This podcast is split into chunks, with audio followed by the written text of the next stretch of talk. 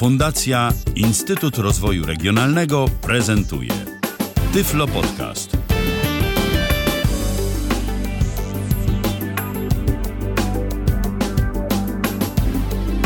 Minęła godzina 19, to jest Radio N, www.radio.nfm i www.radio.npl. Tam właśnie możecie nas słuchać 24 godziny na dobę przez 7 dni w tygodniu. A dziś mamy poniedziałek, w kalendarzu pierwszy dzień października. Rozpoczynamy zatem kolejne spotkanie z Tyflo Podcastem, z audycją dla osób niewidomych i słabowidzących, z audycją, e, w której to właśnie poruszamy wszystkie tematy, które mogą zainteresować niewidomych czy też słabowidzących. A dziś będzie temat, który myślę, że zainteresować może nie tylko osoby z dysfunkcją wzroku, ale po prostu wszystkich, absolutnie wszystkich zainteresowanych e, tym, o czym dziś będziemy mówić, e, czyli zainteresowanych radiem.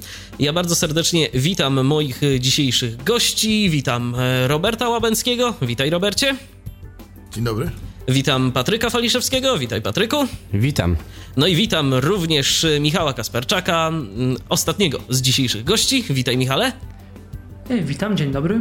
Dziś porozmawiamy sobie, tak jak już wspomniałem, o radiu, o różnych aspektach związanych z radiem, z tym, jak radio postrzegają, odbierają osoby niewidome, no bo myślę, że dla nas to jest takie medium najbardziej dostępne i dostępne tak naprawdę od samego początku. Radio było dla osób niewidomych zawsze dostępne, w odróżnieniu od chociażby prasy, która to dopiero dostępną się stała za sprawą różnego rodzaju cyfrowych technologii, yy, czy wcześniej urządzeń typu Optakon, jeżeli ktoś miał na tyle samozaparcia, żeby z tego korzystać, a radio po prostu było dostępne zawsze. Można było włączyć i słuchać. Ale najpierw zadam wam takie pytanie, bo to różnie jest i różnie yy, ludzie niewidomi yy, podchodzą do tego. Jak u was jest z konkurencją dla radia, taką bardzo mocną o, ostatnimi czasy, czyli z telewizją? Oglądacie, a jeżeli tak, to dużo czy, czy mało? Robercie? Ja chciałem powiedzieć póki co, że tak e, gwoli wyjaśnienia, że e, bo, bo o radiu rozmawiamy. Mm, no, jeden z mm, ludzi usłyszał anegdotkę typu, że mm, Radio N to radio dla niewidomych. Radio N to nie jest radio dla niewidomych, tylko to jest radio, dzięki któremu, który nam użycza anteny do tego podcastu. To tak a propos, żeby wszyscy wiedzieli.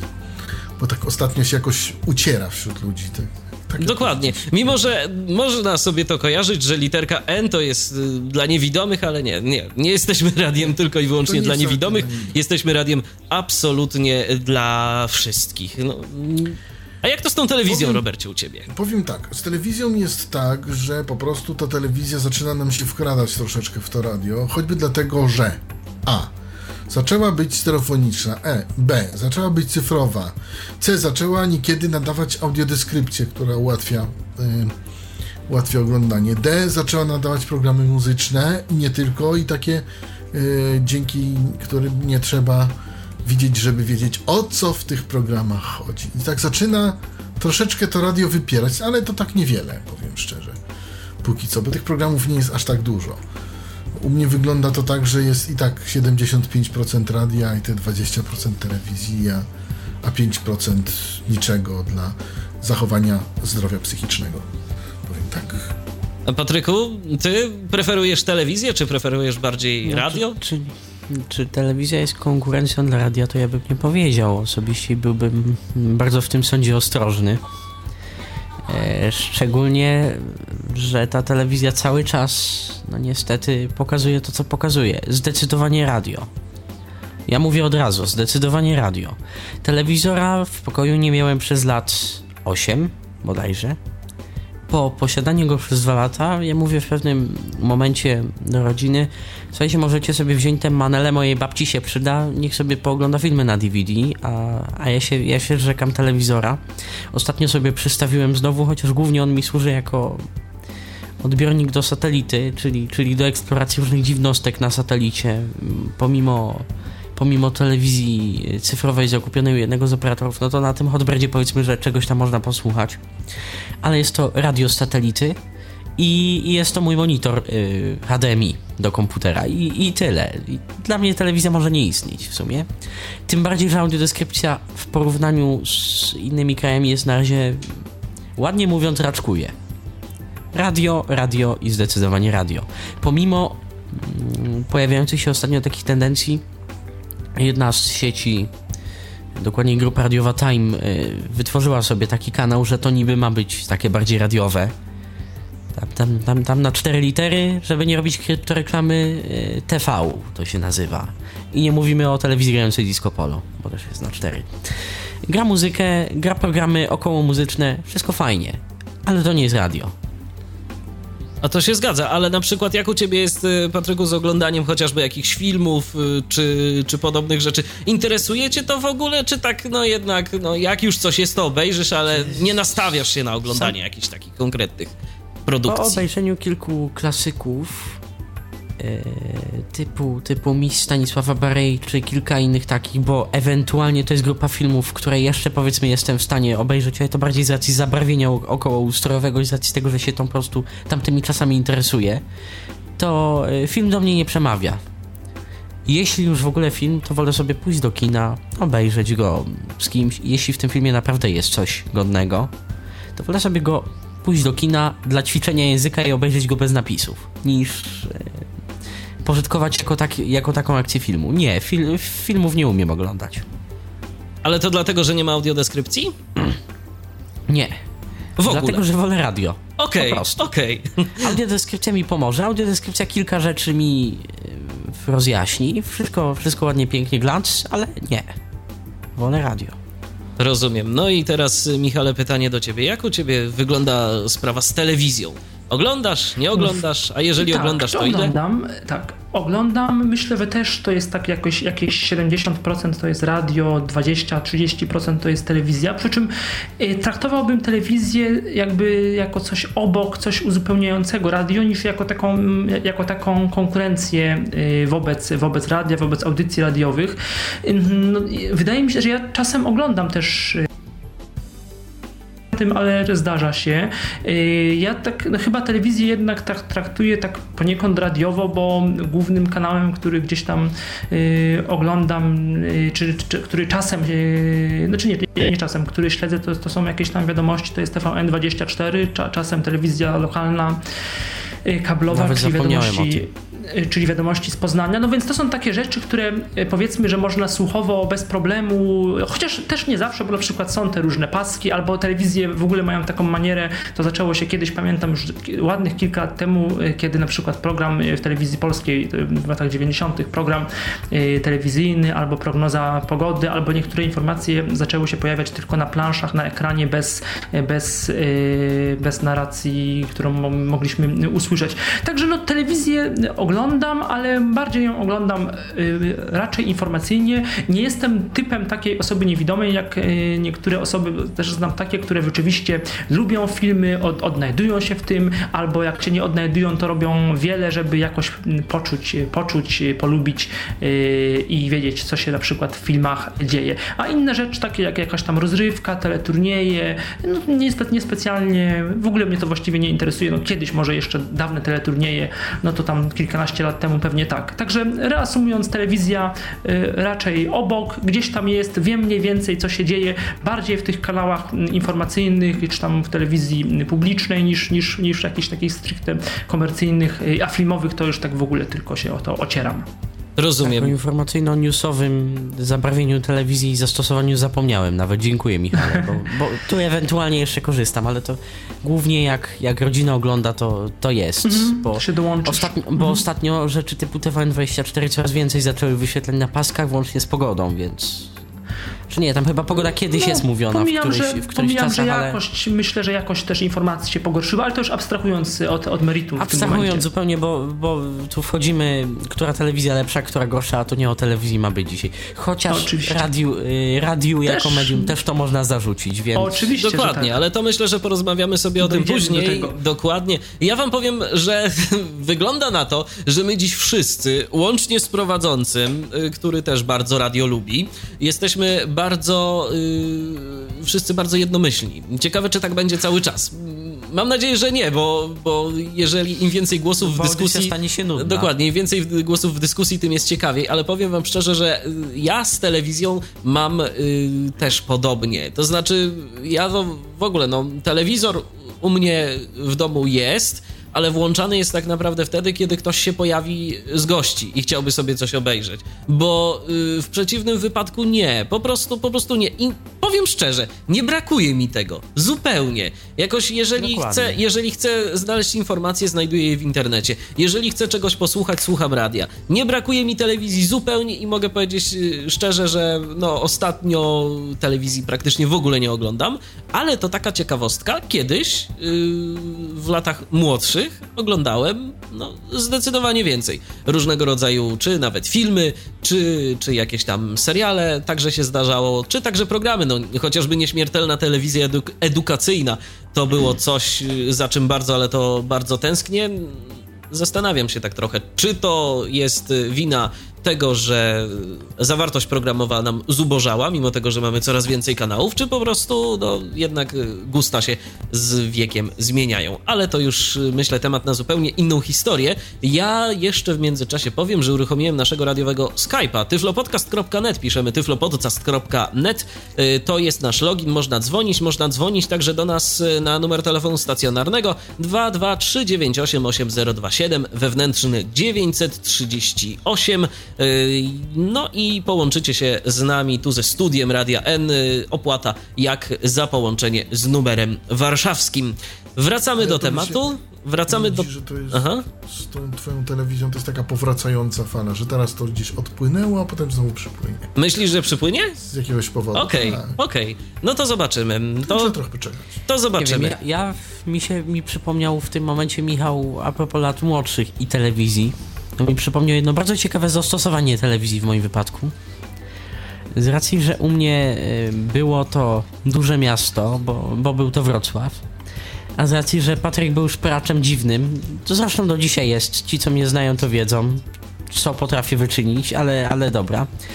Y, Odstrajało się telewizor na częstotliwości odpowiedniej słuchało się różnego typu od krótkofalowców przez dostarczane technologią radiową podobną do NMT, podobną do starych centerteli rozmowy telefonicznej. Do tego między innymi służył telewizor. A to też pamiętam. robił- To też pamiętam. dla klimatu, tak ku, ku mm, błogostanowi rodziny, prawda? Tak, tak, tak rodzina się czuła jak w niebie, kiedy Patryk włączał ich normalny kanał, jakąś jedynkę, dwójkę TVP, słuchał sobie telewizji. Odstrojonej tak, żeby tak fajnie szumiało i żeby stereo sobie mrugało, jak się przełączało z nikam na zwykłe. Okej.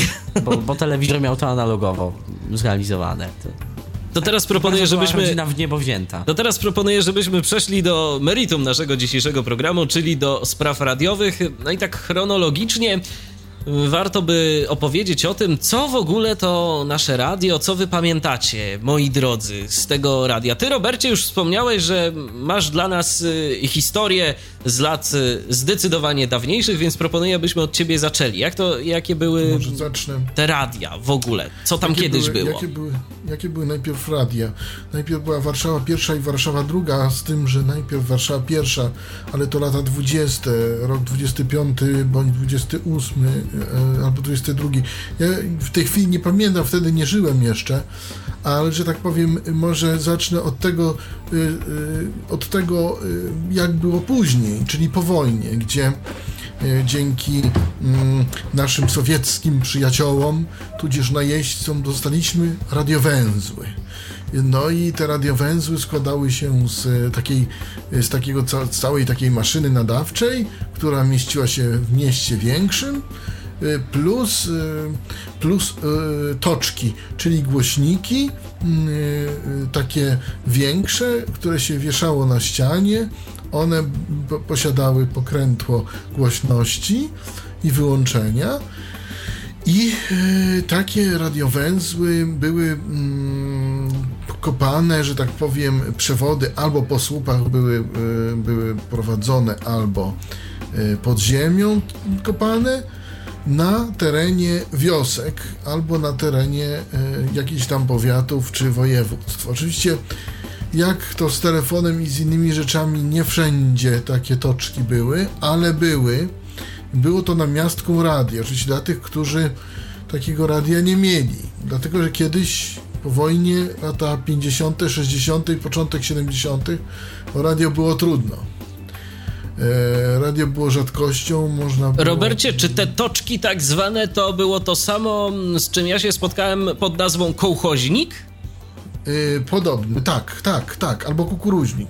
E, no, tak, tak, ja bym tak powiedział, że, że ch chyba tak, dlatego że to był tak zwany radiowęzeł i to był jeden program, który, który a, na, tam, gdzie, tam, gdzie mm, ja pamiętam, czy na Białostoczyźnie był nadawany od godziny 5 rano do 24. Z tym, że część wiadomości była, że tak powiem, od pana z gminy i, i, i, to, co oni tam ogłaszali, a część była z polskiego radia, albo z dwójki, albo z jedynki. To wszystko było tam odpowiednio łączone. Kiedyś, jak pamiętacie, między programami to nie jest co teraz, że się ciężko włączyć. Kiedyś były duże przerwy i tak dalej. To wszystko, i to wszystko można było sobie dość dobrze Robercie. rozplanować. Tak, tak? Bo słyszałem takie mity, że tych, tych kołkoźników, kukuruzników się wyłączyć nie dało. To jest prawda, czy to, to się tam nie, dało wyciszyć? Nie, nie. Akurat w przypadku tej toczki, którą ja widziałem, dało się wyciszyć i wyłączyć. No ja to słyszałem jeszcze kiedyś no inną właśnie. rzecz, ale to chyba y, z tak zwanych y, urban legends y, jedna, że te kołchoźniki potrafiły nie tylko nadawać, ale także u różnych nieprawomyślnych obywateli odbierać. Nie, ja myślę, to, to raczej z tego, z Orwella chyba z roku 1984, bo tam komuś ekrany, się, komuś ekrany, tak. Się... To znaczy, z tego, co, z tego co czytałem, to ktoś się wypowiadał na ten temat, y, fachowiec y, w branży i powiedział, że jest to Aha. możliwe, że jest to technicznie możliwe, natomiast no... E, technicznie dokładnie. jest to możliwe, natomiast za bardzo kosztowne, to raz, a poza tym e, po drugie służba, znaczy donosiciele, donosiciele wszelkiej maści byli bardziej Byli tak skuteczniejsi. Od, od tych toczek, tak. Utrzymaniu. No może gdzieś, może tak, gdzieś tak. pilotażowo może, no może był jakiś egzemplarz no albo gdzieś tam, ta toczka, kto wie, no ale... Którą Czyli ja inaczej, widziałem, nie posiadała takiej możliwości. Nie jestem historykiem kwalifikowanym, więc się nie wypowiem, czy, czy ja w Polsce to było i... U rodziców mojej mamy, tak powiem. Rodziców mojej mamy, którzy już nie żyją, ta toczka nie miała takich możliwości. Bo, ja, ja nie jestem... Później w jakoś... latach 70., y, tak rok 75, 6 te toczki wyłączono, bo już radia się rozpowszechniły na tyle, że można było sobie kupić i po prostu się nie opłacało i konserwować tego i i dalej utrzymywać. No bo to było też dosyć kosztowne. i tak była, i tak była. Bo to było dosyć e, kosztowne, tak samo z jakich powodów e, obecnie e, jest duże parcie na to, żeby internet kablowy zastąpić internetem bezprzewodowym. Dokładnie, dokładnie. Kiedyś, dokładnie. kiedyś przecież no, utrzymanie infrastruktury kablowej jest zdecydowanie bardziej kosztowne niż dokładnie. utrzymanie jakichś tam nadajników bezprzewodowych. No ale dobrze, wróćmy do tematu. Robercie, czy ty pamiętasz, jaka była zawartość programowa w ogóle takiej, takich audycji. Nie no, aż tak, znaczy wiem tylko o tyle. O zawartości to, to ja mogę opowiedzieć o radiu publicznym. Wiem, że dawnym. było, y, to znaczy nie, nie, nie, bo, bo to nie jest radio publiczne, bo to najprościej było, że A, włączyć toczkę i radio publiczne. Nie, tam to, to była taka mieszanka. Wiem o co chodzi, tak, tak. To była taka mieszanka i zazwyczaj zaczynało się od wiadomości y, takich z, właśnie z radia publicznego, a potem były wiadomości dla y, rolników. Okolicy i wiadomości dla, lokalne. O, lokalne, no tak można to nazwać, tak? Bardziej wiadomości gminne. Ze spółdzielni Orientujesz się, czy właśnie, czy, czy, że każdy na przykład e, dawny powiat e, przygotowywał, miał, miał jakby taką swoją mini redakcję, czy to bardziej było na województwo szło, na, nie, nie, wiesz jak to, to jak, bardziej, terytorium? To bardziej szło na to, kto komu się dostało, bo na przykład u mojej mamy, bo to tylko tam się mogę wypowiadać, było mm -hmm. to, e, ta toczka była, ten, ten, ten nadajnik był zlokalizowany w Bielsku Podlaskim, a ta toczka w Klewinowie i, i w innych y, wioskach i, i, i, miasteczkach y, tego, tak powiem, powiatu, może tak nazwać. No i tam, natomiast no, to, to zależało, że tak powiem, od tego, kto, jak i kiedy. To znaczy, komu, Wrocław się, z tego co wiem miał, mm, Wrocław z tego co wiem miał 4 czy 8 takich podredakcji jakby, które, które koordynowały ten program. Dokładnie, Czyli dokładnie. Tak, to, mm-hmm. No i poza tym no to było takie, wiadomo, to było takie troszkę chłodnicze, tak? Ale było i, i jednak jakoś działało. No i potem były właśnie część potem znowu jakieś, włączali jakieś radio publiczne, któreś dwójkę albo jedynkę i, i szły, no wiem, że był, był program dla dzieci, był, no, no, no, no tak, takie to, to było z... Wszystko oczywiście zgodne z obecny, obecnie krzewioną ideą, tak? Oczywiście, bo, no przede wszystkim. Bo tam nie mogło być miejsca. Tak, tam nie mogło być miejsca dla, dla nauk wywrotowych. tak, tak, dla ideowej propagandy, oczywiście. Także, także na przykład e, audycja e, pana Martyki, Fala 49 była tam, że tak powiem, prezentowana w tych toczkach. A cóż to była za audycja? Może coś więcej, Robercie, na ten temat? To była taka audycja. Pro, propagująca y, właśnie czas i to była y, audycja y, anty y, właśnie zachodnia. Znaczy taka, no to Michał może też więcej powiedzieć.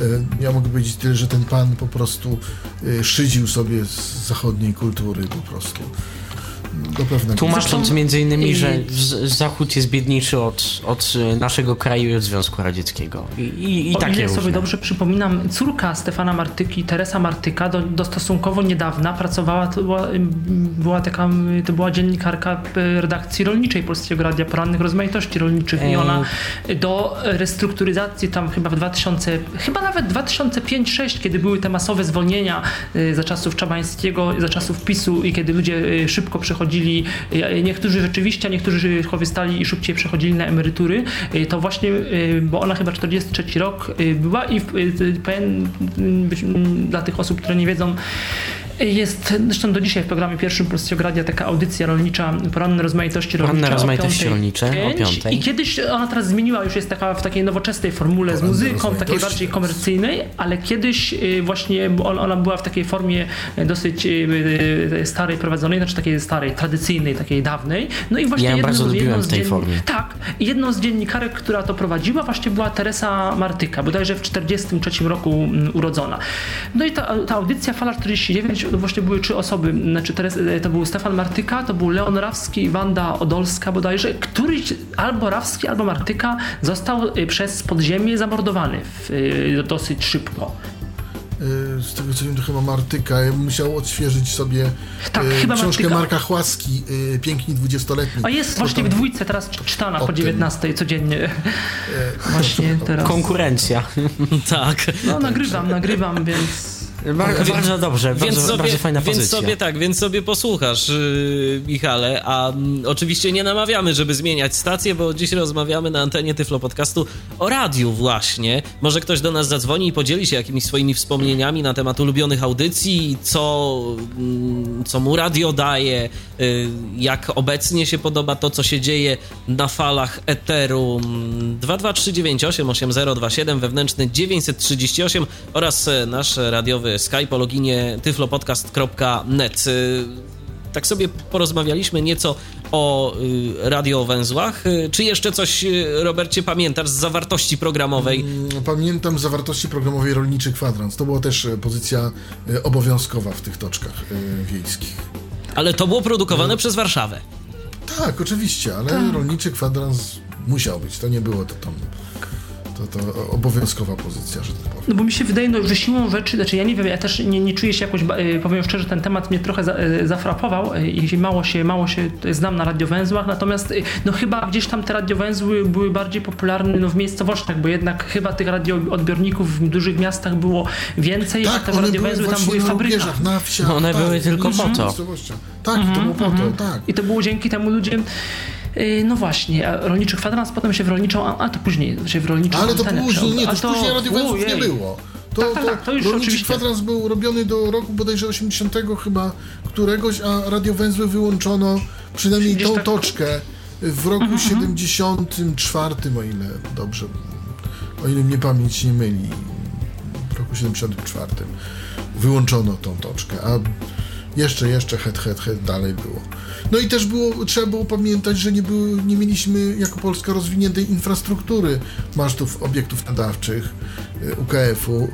No były co prawda rzeczywiście dobre fale długie z Gombina, no ale no, z tymi radiami było ciężko, dlatego. Tak, no bo o ile tak, na UKF-ie właściwie y, mieliśmy do lat 70, znaczy y, ty, tak, do, od lat 60 mieliśmy trójkę na UKF-ie, ale przedtem na UKF-ie nie było nic.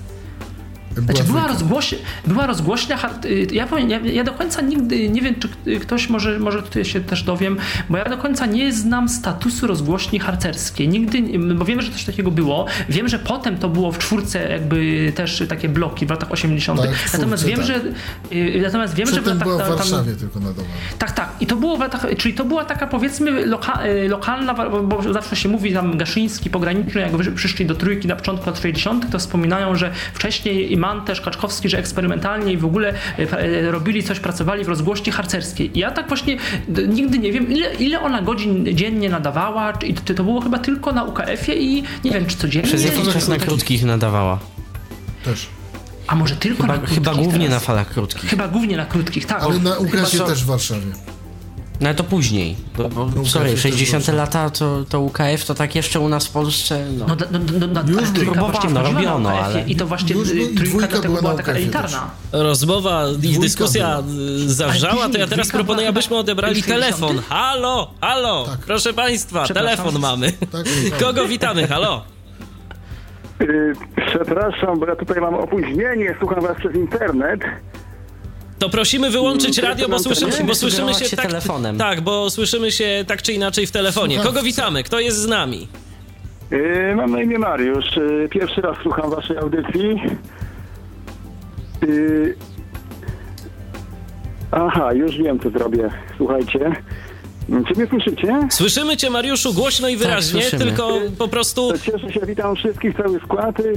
Pozdrawiamy Roberta, z którym kiedyś, no, że tak powiem, wspólnie, no Robert na pewno nie kojarzysz, y, Mariusz z okolic Konstancina, ale pozdrawiam wszystkich, y, No wszystkich, dobrze, ale może jednak przejdźmy do tematu No właśnie, co, co nam Mariuszu powiesz a propos, a propos radia, jeżeli chodzi Mógłbym o... mówić bardzo dużo z radiem. Z radiem mam trochę doświadczeń. No praktycznie od y, przełomu lat 80. i 90., kiedy to jakby y, no świadomie mogłem go tam słuchać, no mm, wybierać jakieś tam audycje. Pamiętam pamiętam takie dosyć modne było, no w środowisku powiedzmy, że niewidomych, y, y, łapanie stacji lokalnych y, z różnych miast, tak? Na przykład powiedzmy tutaj w okolicach Warszawy, no tam każdy się niejako z drugim konkurował, kto dalszą stację lokalną złapie, tak? Czy tam powiedzmy, no nie wiem, gdzieś tam z Lublina, czy z Białego Stoku, czy, czy nawet z, z, z morza, to było takie no dosyć charakterystyczne. No, pamiętam te rozgłośnie regionalne wtedy takie właśnie miały swoje pasma gdzieś tam chyba w ramach programu drugiego czy czwartego. Dokładnie, drugiego. Mhm. Mm. No pamiętam, no co, no z radiem oczywiście się wiązało nagrywanie różnych audycji muzycznych yy, na kasety magnetofonowe, to miało swój wielki urok. No pamiętam Robert, yy, chyba to nie zdradzę tajemnicy, że tam był Robert jednym z no, kolegów, który miał chyba najliczniejszą tą fonotekę, można powiedzieć. Yy, Pamiętam to kopiowanie nagrań, no to, to już może wykracza trochę poza temat radia, ale Ale swego czasu można było nawet w radiach przecież y, z radia nagrać Całe sobie całe płyty. płyty, prawda? To było Dokładnie. jak najbardziej najzupełniej legalne, bo wtedy jeszcze nie mieliśmy ustawy o prawach autorskich i prawach pokrewnych, więc można było sobie piracić do woli. Co, co, co Znaczy, wtedy nie miało znamion piractwa w i ogóle. Tak dalej, ale no niestety muszę mm, powiedzieć, że moje wrażenia na temat no, komercjalizacji i zwłaszcza mm, polskiego, polskiego radia no dosyć są te wrażenia takie dosyć negatywne. No, mm, odnoszę wrażenie, że to jest w coraz większym pośpiechu, jak gdyby te audycje są takie przeprowadzane. No, m- mówię na przykład o tej ostatniej takiej jakby reformie, nie reformie programu pierwszego, który tam od chyba od ponad tygodnia już nadaje w tej nowej takiej jakby swojej mm, No właśnie się ostatnio z Michałem mi nie kłóciliśmy. podoba. Tam wyczuwam Mówiąc. tak naprawdę te audycje Właśnie- są być takie okrajane coraz bardziej, y, na przykład tam pasmo przeznaczone tam dla gościa, wywiad dnia, czy jak to tamkolwiek nazwać. No kiedyś się zaczynało 15 po 8, a kończyło no dajmy na to te 27 po, a teraz no to zaczyna się powiedzmy tam po reklamach, to tam różnie wypada, ale przeważnie jest to tam gdzieś 16 po, no kończy się nie wiem o której, ale mam wrażenie, że wszystko to takie jakieś takie trochę no byleby szybciej, byleby jakoś tak więcej takiej dynamiki nadać, ale to do niczego to nie prowadzi. Mm, Tym, ale tym niemniej komercyjne stacje mm, też moim zdaniem podupadły, jeśli to można no, jakiś, jakąś wartość dopatrywać tych komercyjnych, ale no pamiętam lata 90. to były takie, no zwłaszcza jedna z takich dużych y, rozgłośni radiowych, no to oferowała dosyć u- urozmaiconą tą ramówkę i, i konkursy i, i playlista była, nie lubię zresztą tego słowa, no ale chyba, to, no, ale chyba nas nieuniknione i mm, tych nagrań była jakaś taka rozmaitość, a teraz to no praktycznie tam jest chyba kilkaset tych piosenek i że tak powiem, w obiegu i one się jakoś tak nie, nie zmieniają. No ale no, Radia N tego słucham chyba po raz, po raz pierwszy, więc no, zobaczymy, co, co jest w tej ofercie. No i no, myślę, Mariuszu, a zapytam, bo skoro wspominałeś Mhm. o tym, że kiedyś było tak, że y, prześcigaliście się w tym, kto złapie mm, najdalszą falę, to co Tak. ty złapałeś ciekawego? Czym się możesz pochwalić? Yy, co ja mogę się pochwalić? Mm, To by dłuższy wstęp trzeba było zrobić. Może Robert rzeczywiście coś tam wypowie. No ja tak jakoś nie przypominam konkretnych. Mm, mm, czy pamiętam jeszcze pod koniec lat 90., no zwłaszcza jak się samochodem na przykład jeździło, to, to, to, o, to dopiero miało dla mnie swój urok, że wjechało się do jakiegoś miasta, nie wiem, tam powiedzmy jakiegoś tam Wielunia, nie Wielunia i tam się kręciło tą gałką, bo wtedy jeszcze jeśli się miało radio na gałkę, to to można było w miarę płynnie przeskakiwać tam od początku tam zakresu do końca, tak? Tam te 20 mega, że tak powiem, yy, oblecieć, że tak powiem. A teraz jak to jest wszystko cyfrowe, to, to znaczy mam, mam na myśli to strojenie oczywiście cyfrowe, tak? Nie, nie, nie sposób nadawania. Tak, tak, no to, to jakoś tak, to trochę jest takie utrudnione, utrudnione tam. No i znaczy ja jestem może taki trochę jakiś taki za bardzo konserwatywny i stąd ta moja jakaś taka krytyka do tych nowych form. E, no ale... Prawda chyba jest taka, że każdy najlepiej wspomina to, z czym się za swoich lat y, takich y, młodych i świadom i tych y, Tak. świadomego słuchania, kiedy to świadome słuchanie zaczynało się, to, to wspomina to najlepiej. Jakieś takie mam wrażenie. Myślę, że obecne pokolenie młodych słuchaczy to po prostu będzie, będzie też sobie bardzo dobrze wspominało gdzieś tam te czasy obecnej radiofonii. No ale tak to bywa. Mariuszu, jesteś z nami jeszcze? Bo chyba, bo chyba nam Mariusz uciekł. Okej, w takim razie, y, skoro, skoro z Mariuszem się rozłączyliśmy, to Robercie, tak, ty, ty chciałbyś coś Mówił dodać? Mariusz Jankowski, e, to chciałem powiedzieć, a poza tym chciałem powiedzieć, że co do tych mm, rozgłośni, to jest dłuższa historia, ponieważ kiedyś radio było na innych częstotliwościach. Na częstotliwościach tak zwanych OIRT, to, to był zakres od 65,5 do 75 74. 4, 75 MHz herców, tak, w Polsce. I to były tak zwane niższe częstotliwości. E, Było mniej masztów nadawczych, ale dzięki czemu mogło być e, mm, bardziej jakby fale e, mm, były dłużej się, znaczy one na większą odległość te fale się niosły. Inaczej się troszeczkę rozchodziły. Z takiej samej mocy, to nie wiem teraz szacunkowo, za 30% więcej zasięgów Tak, sumie było. Jakoś, było nie zasięgu. więcej. Ma, miało to swoje wady i miało to swoje zalety.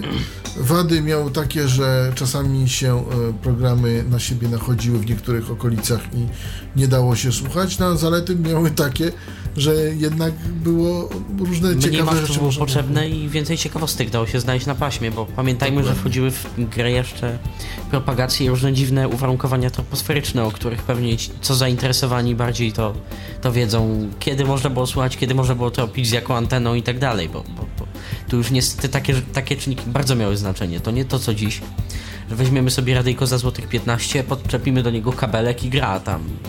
Można było tak zrobić, ale to się łapało tylko najbliższą okolicę, a jeśli ktoś chciał się sztukować bardziej, no to też i Ale kiedyś były lepsze radioodbiorniki, proszę Państwa. Kiedyś były radia na przykład produkcji radzieckiej, typu WEF na przykład do, do nabycia i to miało Sam takiego miałem, bardzo sobie chwalę. O. ładną czułość.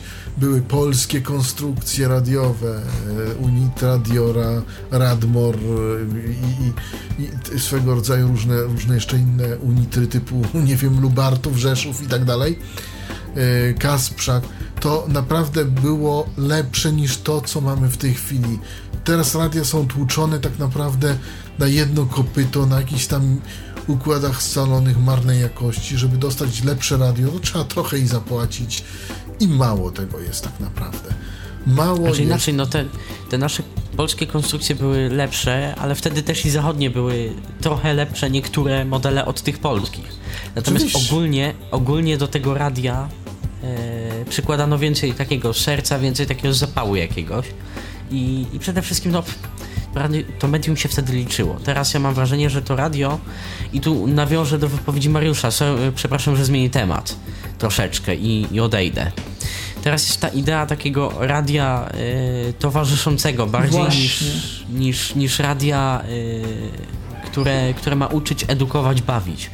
I ja tak trochę złośliwie mówię o niektórych komercyjnych stacjach i o między innymi tej nowej zmianie e, w jedynce, z którą też się zresztą nie zgadzam i kilka rzeczy mi się tam co najwyżej podoba, ale chyba to, to jest tylko wykonanie muzyczne niektórych e, jingli, niektórych elementów oprawy, ale tylko ich wykonanie, nie ich realizacja.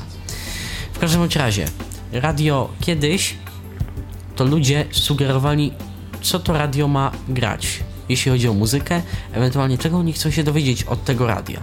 I to radio wychodziło z inicjatywą, yy, w jaki sposób poda tą informację. W tym momencie jest trochę tak, że to radio decyduje, co ty słuchaczu chcesz wiedzieć i jaką ty muzykę będziesz lubił. Wiesz co, Patryk, ja myślę, że to jest troszeczkę jeszcze inaczej. Kiedyś ludzie prowadzący dane pasma i dane audycje mieli zdecydowanie większą autonomię. Teraz y, w dobie pojawiania się osób, y, które określa się dyrektorami programowymi, y, to już po prostu jest w radiu, w redakcji jedna osoba, która ustala, jak ma wyglądać zawartość programowa, co w programie ma się znajdować, a prezenterzy to są tylko takimi odtwórcami tego, co no. gdzieś tam im się nakaże z góry. Jacek zapytał, czy pamiętamy 60 minut na godzinę taką audycję. Kto z was pamięta? To, to Oczywiście. pewnie starsze pokolenie, ja, ja tylko już z Pamiętam, nie- rekonstrukcji. Tak, ja też oczywiście z rekonstrukcji, bo w latach 70. jeszcze mnie mm, na świecie nie było, się w 80 roku urodziłem.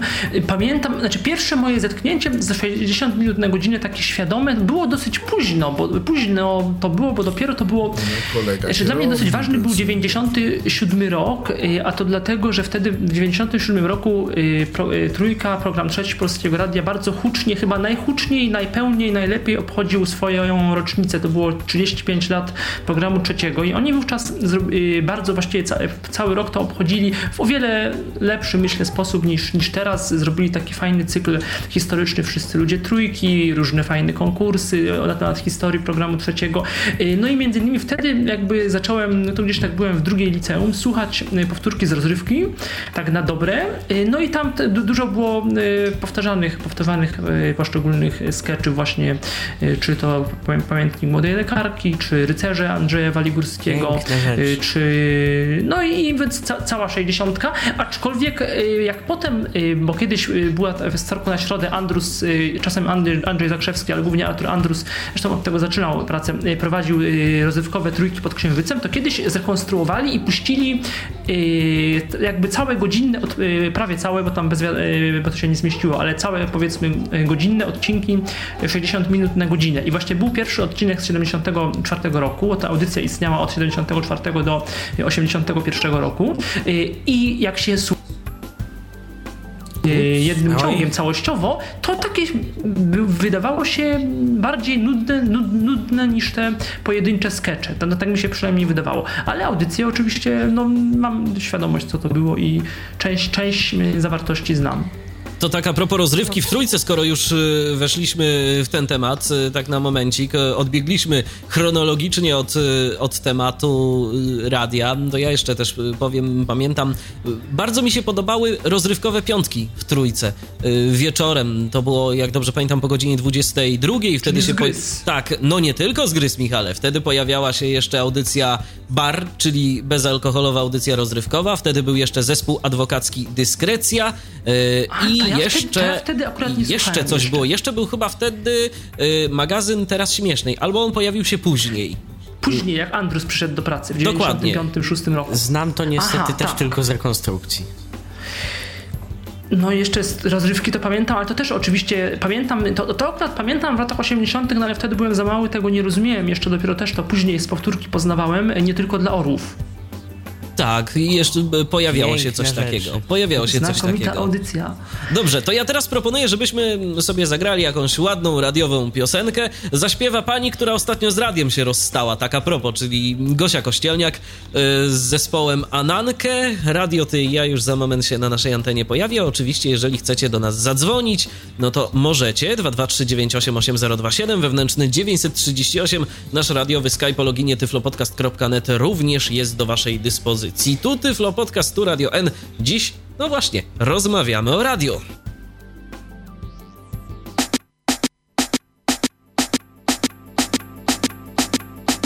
No i. No i mieliśmy mały problem. Tak też czasem bywa. W radiu również. To ja teraz zdradzę tajniki naszej radiowej kuchni. Przed momentem y, było bardzo ciekawe zacięcie naszego dysku y, zewnętrznego w komputerze emisyjnym. No a niestety czasem się tak dzieje. Dyski twarde, szczególnie te na USB, mają coś takiego, że po prostu y, lubią się uśpić, żeby zużywać mniej prądu. No a w sytuacjach radiowych zdecydowanie jest to niewskazane. Tyle tytułem wyjaśnienia, co to się działo. Prosimy oczywiście nie regulować odbiorników, słucha, odbiorników, słuchać nas dalej, no i dzwonić oczywiście. tyflopodcast.net bądź też 223988027 wewnętrzny 938. Teraz proponuję, abyśmy się cofnęli do tych lat, kiedy wy zaczęliście słuchać e, tak świadomie radia e, i o tym na pewno będziecie mogli poopowiadać e, sporo. Myślę, Robercie, ty tu z nas, z nas jesteś najstarszy, to pamiętasz pewnie najwięcej. Może zaczniesz? Co tak y, Więc przede wszystkim w uszy ci się czasów- rzuciło? Co pamiętasz? Za moich czasów, żeby nie było, na UKF-ie były trzy programy, czyli tych najpierwszych, tych z samego początku, czyli dwójka stereofoniczna y, z wejściami lokalnymi, rozgłośni, y, które były rano i po południu. Y, Potem trójka monofoniczna i czwórka. Czwórka z rozgłośnią harcerską. I teraz tak, y, czwórka to było takie radio takie trochę tu rozmów, edukacji trochę, no właśnie ta rozgłośnia harcerska swoją alternatywą. Y, Trójka, no to trójka, o trójce można by dużo, ale ja akurat zapamiętałem y, z trójki Radio Kurier, prawda, politykę dla wszystkich to później, też y, listę przebojów, to już jeszcze później akurat pier, y, przed stanem wojennym zacząłem słuchać listy przebojów, no i nagle mnie stan wojenny, że tak powiem, i mnie odciął od listy przebojów, no i że tak E, powiem Przepraszam, praktycznie ale której, której, której listy, listy przebojów? programu y, trzeciego. No nie, no lista przebojów programu trzeciego to była w, od 82 roku, od kwietnia. Chyba, że mówimy o liść... Czy ja o czymś nie wiem? Y, y, a w grudniu był stan wojenny. No tak, No, bo mówili, że przed- przed 81. stanem, a przed- 81 czy 82? Ja mówiłem, Pierwszego, pierwszego. Przed, przed stanem, ja mówiłem, że przed stanem wojennym, tak, słyszałem jedno wydanie listy przebojów. I jedno wydanie. I już wiedziałem, że było w sobotę o 20, czy tam jakoś tak. I chciałem następne posłuchać, już nie mogłem posłuchać za tydzień. Już się nie dało, że tak powiem. Tak ja, tak ja to pamiętam. Ja nie wiem, czy. No może, może tu są jakieś, jakieś, jakieś, nie wiem, może jakieś drobne przekłamania, ale. Ale. Mm, mi się wydaje, że była jednak troszkę wcześniej. No nie, lista, znaczy być może była jakaś lista, ja jakby nie, tego nie neguję absolutnie, jaką, ją- jak, jaką ją znamy, czyli lista przebojów programu trzeciego, no to miała premierę, yy, pierwsze wydanie było w, bodajże 17 kwietnia, 20 chyba 2 czy 4, yy, zawsze to mylę, kwietnia 82 roku, yy, czyli po, po tej reaktywacji trójki, która przejęła ekipę radiokuriera, czyli wszyscy Andrzej Turski, Sławek Zieliński, Wojciech Reszczyński i tak dalej, Jarosław Kawecki, no to, no i wtedy przyszedł do trójki, do dwójki, tak, do trójki przyszedł Niedźwiedź, Marek Niedźwiecki, no i od kwietnia 82 jest ta, no ta lista przebojów słynna, więc być może to była. Nie, to, bu, to było po reaktywacji. Niedźwiecki był wcześniej jeszcze w trójce. W Ja pamiętam jak. E, tak, No moment, chyba, że on był w trójce. czasami. I, I w trakcie stanu wojennego jedynka chciała go przejąć. Chciała go przejąć, on dostał telefon nawet, że ktoś go chciał przejąć, ale w międzyczasie ktoś do niego zadzwonił i mówi... Zofia, tak, Krusze, Zofia Kruszewska. Zofia Kruszewska, Tak, dokładnie. żeby się nie dawał dla jedynki że będzie z powrotem Tak, trójka tak, tak. Nie. i żeby... I że, Ja także on coś tam jednak robił. Znaczy tak, on robił, ale on bardziej dla jedynki z Edwigą Skolarską e, studia, stu- studio stereo y, chyba prowadził i bo była wcześniej, wcześniej było coś takiego, też do końca nie wiem jak to, na czym to polegało, ten radio kurier właśnie taki młodzieżowy, i, ale to w jedynce i była coś takiego jak lista przebojów studia Gamma i to nie prowadził To, jakoś. to Niedźwiecki czasami i Kaczkowski. Aha. E, I były jeszcze, jeszcze lista przebojów studia rytmu, ale tego... Ja to już nie mogę... to, to, do, siedem- tak, to, to do 73, To jeszcze- od tak. 65 do Nie, 73. nie bardzo Mhm. się, się bardzo mogę wypowiadać, bo że tak powiem wcześniej to mnie nie było na tym, co chciałem powiedzieć. Studio Stereo było w programie drugim. Studio Stereo zaprasza. Za moich czasów było w programie drugim i rzeczywiście Bardzo wprowadziła to charakterystyczny sygnał. Czasami Jadwiga Skolarska, czasami e, Jerzy Rowiński, czasami Michał Rybczyński Tak. versus e, Ryszard Rębiszewski, tudzież... Bo chodzi o to, że Michał Rybczyński nie mówił. Znaczy, Tak, nie to- mówił to sam, często- tylko Mhm. speakerzy za niego mówili to, co on tam chciał przekazać. I, Tak, to i Czyli, na ty, czyli on pisał scenariusze do swoich audycji, tak? Dokładnie. Tak, łącznie z wyjściami. Mhm, rozumiem. Łącznie z wyjściami i chyba proponował muzykę. A Tak co to było to studio Natomiast- stereo? Bo, bo, to, bo to jest y, nazwa programu, To był która taki jest dosyć charakterystyczna, ale 22. na czym ona polegała? Tak, od 22 do północy. pierwszej, no, do, no Albo do pierwszej, tak, pierwsza, albo do pierwszej, tak, z tak. przerwą i to było tak, na początku tam w ogóle były, ja to mm, znam od 86 roku, czyli dosyć y, od tego późniejszego okresu. Na początku tam y, to jakoś się łączyło, znaczy nie łączyło w sensie, że się łączyli na antenie, tylko to się integrowało z tym, co kiedyś było w jedynce. Sorry, przepraszam, że tak mówię z skrótami, no zakładam, że, że mówię, mówię do osób, które jednak y, trochę się na tym, na, na tym radiu dawnym chyba znamy. Kiedyś była w sobotę o 13.05, w- ale to w jedynce y, piosenki tygodnia, takiego, tak- taka, taka niby lista przebojów, coś takiego. Było I to takiego, jakoś miało się integrowało z tym studiem stereo, że raz w miesiącu te piosenki jakoś były chyba w stereo, czy jakieś wydłużone. Y, To, było, to była taka mini lista przebojów. No i potem częściowo Bogdan Fabiański też tam tę audycję prowadził i generalnie to była, to była prezentacja nowości y, i też fragmentów dłuższych płyt z naciskiem chyba bardziej na taką muzykę lekką dyskotekową, czyli ja, Tak, ta- ja stamtąd tak. y, Albo- Modern Talking, Tak, y, tak, te wszystkie Wło- Italo, później to co było w piątki u Fabiańskiego w Słuchajmy Razem, te wszystkie tam Savage i, i cała, cały nurt Italo Disco, y, ale też jakieś takie polskie rzeczy zupełnie mniej już zapomniane, jakieś typu Joanna, jak ona tam, Zagdańska i jacyś tacy zupełnie, Grażyna zupełnie dziwni. O, o te, tak, y, też taka. Rybczyński to z kolei bardziej takie piosenki, powiedzmy trochę dla starszego pokolenia, bo y, z jednej strony piosenki, niemie- piosenki niemieckie, pamiętam, Rybczyński zawsze. Piosenki Też, niemieckie też, i, też. i A takie. Ho- I z Holandii, stajnia holenderska, Audrey Lenders. Babe, Aha, to nie wiem. e, e, I też takie bardziej, takie też mi się wydaje do, do tańca typu czasami jakiś taki Glenn Miller, takie, ta, takie, takie jakieś takie też y, y, bendy, jakieś takie orkiestrowe. No i to była taka audycja w ogóle, to było śmiesznie, bo podobno to jakoś było nagry- też y, w pewnym momencie to było nagrywane, to, to chodziło o jakieś problemy, emi- znaczy ja nie znam tych niuansów emisyjnych, jeżeli chodzi o przekaz y, tego, że to jakoś tam lepiej, żeby to lepiej brzmiało, to jakoś było przekazywane, nagrywane i przekazywane przez te rozgłośnie podobno lokalne w ogóle gdzieś słyszałem. Tylko ja nie, nie, Chodziło nie, nie o to, jestem... że był problem z dosyłem stereofonicznym. Tak? Nie, nie będziemy się tu rozwodzić, bo ja też tego dokładnie nie pamiętam. Natomiast z tego, co wiem od, od ludzi właśnie jakoś tam związanych, chodziło o to, że po prostu wtedy na tyle technika nie pozwalała, żeby z tym stereo w pełni się uporać. Tam chodziło głównie o emisję stereofoniczną.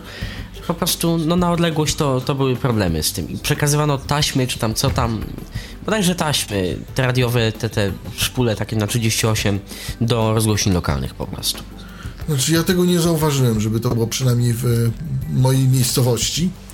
Natomiast e, z racji tego, że e, dźwięki się rozchodziły wtedy po kablu, to znaczy te, te, te, cały ten sygnał był przesyłany nie tak jak teraz, że jest satelita i, i każdy z obiektów nadawczych ma swój talerz i odbiera, tylko, tylko do każdego z obiektów był przeprowadzony kabel i często tam wysiadały, a to ekspandery, a to jakieś inne takie rzeczy i się robiło. Albo przeciwfaza, albo jakieś harkoty w którymś z kanałów, albo takie różne rzeczy. Tam często mówił pan Leszek Michniewicz w takiej audycji zakłócenia odbioru, Tak, kiedyś tak. takie coś było. O 17. O, Na czym polegała tak. ta audycja zakłócenia odbioru? Z Czapowskim i- Kraftwerk był sygnałem bodajże.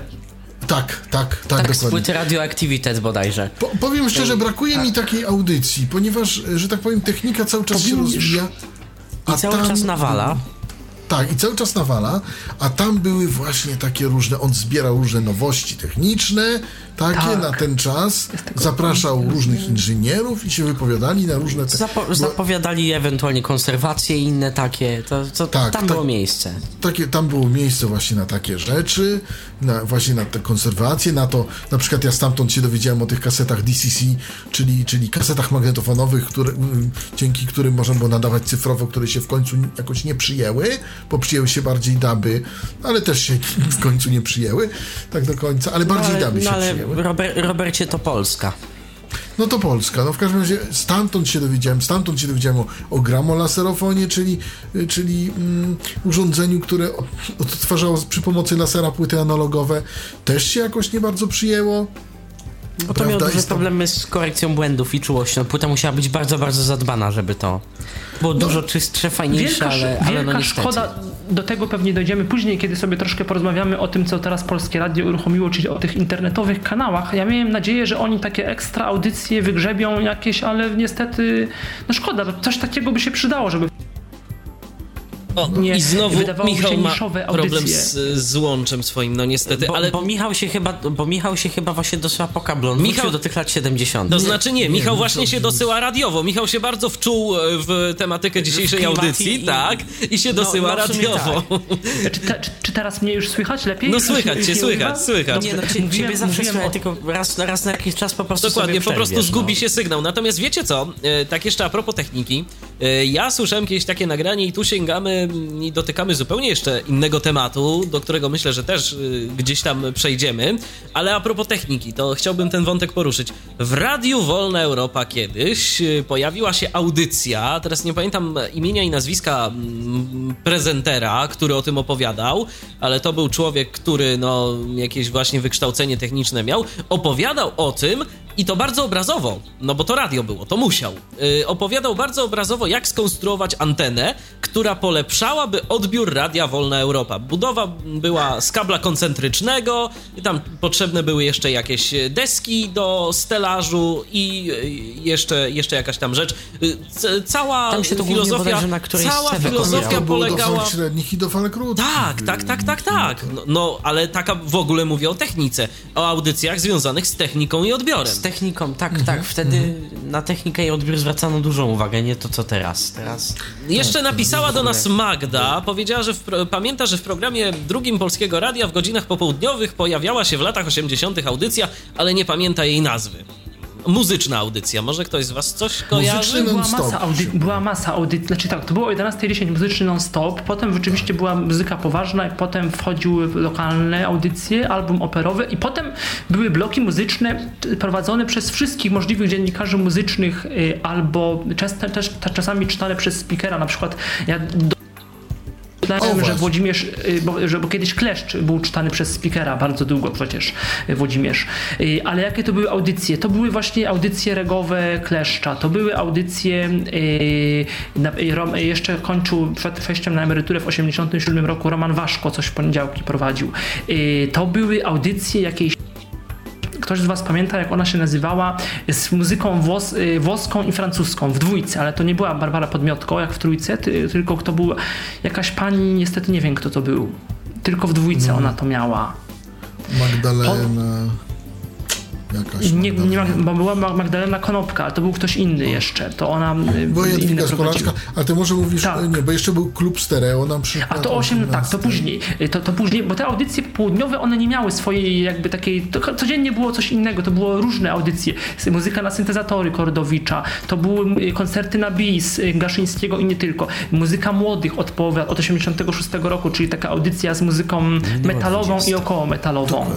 Y, A kluby stereo, tak, kluby stereo to było bardziej regularne o 18.30. One w tej formule, kiedyś to była formuła codziennie ktoś inny, a od 80 piątego roku y, jako y, było tygodniami, że co, co tydzień prowadził ktoś inny, no i to rzeczywiście były prezentacje całych y, płyt, często monograficzne, czyli że Bogdan Fabiański na przykład i cały tydzień po kolei, tam pierwsza płyta Pet Shop Boys, druga płyta Pet Shop Boys, jak już, no to już po tych kilku latach, jak już wydali dwie płyty na przykład, albo tam cała dyskografia Pink Floyd była, Beksiński czasami prowadził, Tomasz Szachowski.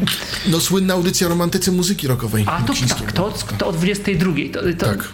Zresztą, bo to może też sobie o tym zaraz powiemy, bo to też było y, y, specyficzna sytuacja w ogóle była z programem drugim Polskiego Radia. Właściwie który... w ogóle, Michale, mnie... przerwę ci na momencik, bo mm, ja nie pamiętam tych czasów, ale mm, zaskakuje mnie to, o czym mówisz teraz i myślę, że naszych tych młodszych słuchaczy zaskoczy też to, bo kiedy włączają sobie obecnie program drugi Polskiego Radia, no to słyszą audycje zdecydowanie poważne. Muzyka klasyczna, jakieś y, audycje literackie, około jazzowa, dokładnie, podobne tego typu rzeczy. A tu mówimy o jakiejś na przykład muzyce tanecznej, o italo disco, o tego typu sprawach i to wszystko było w programie drugim.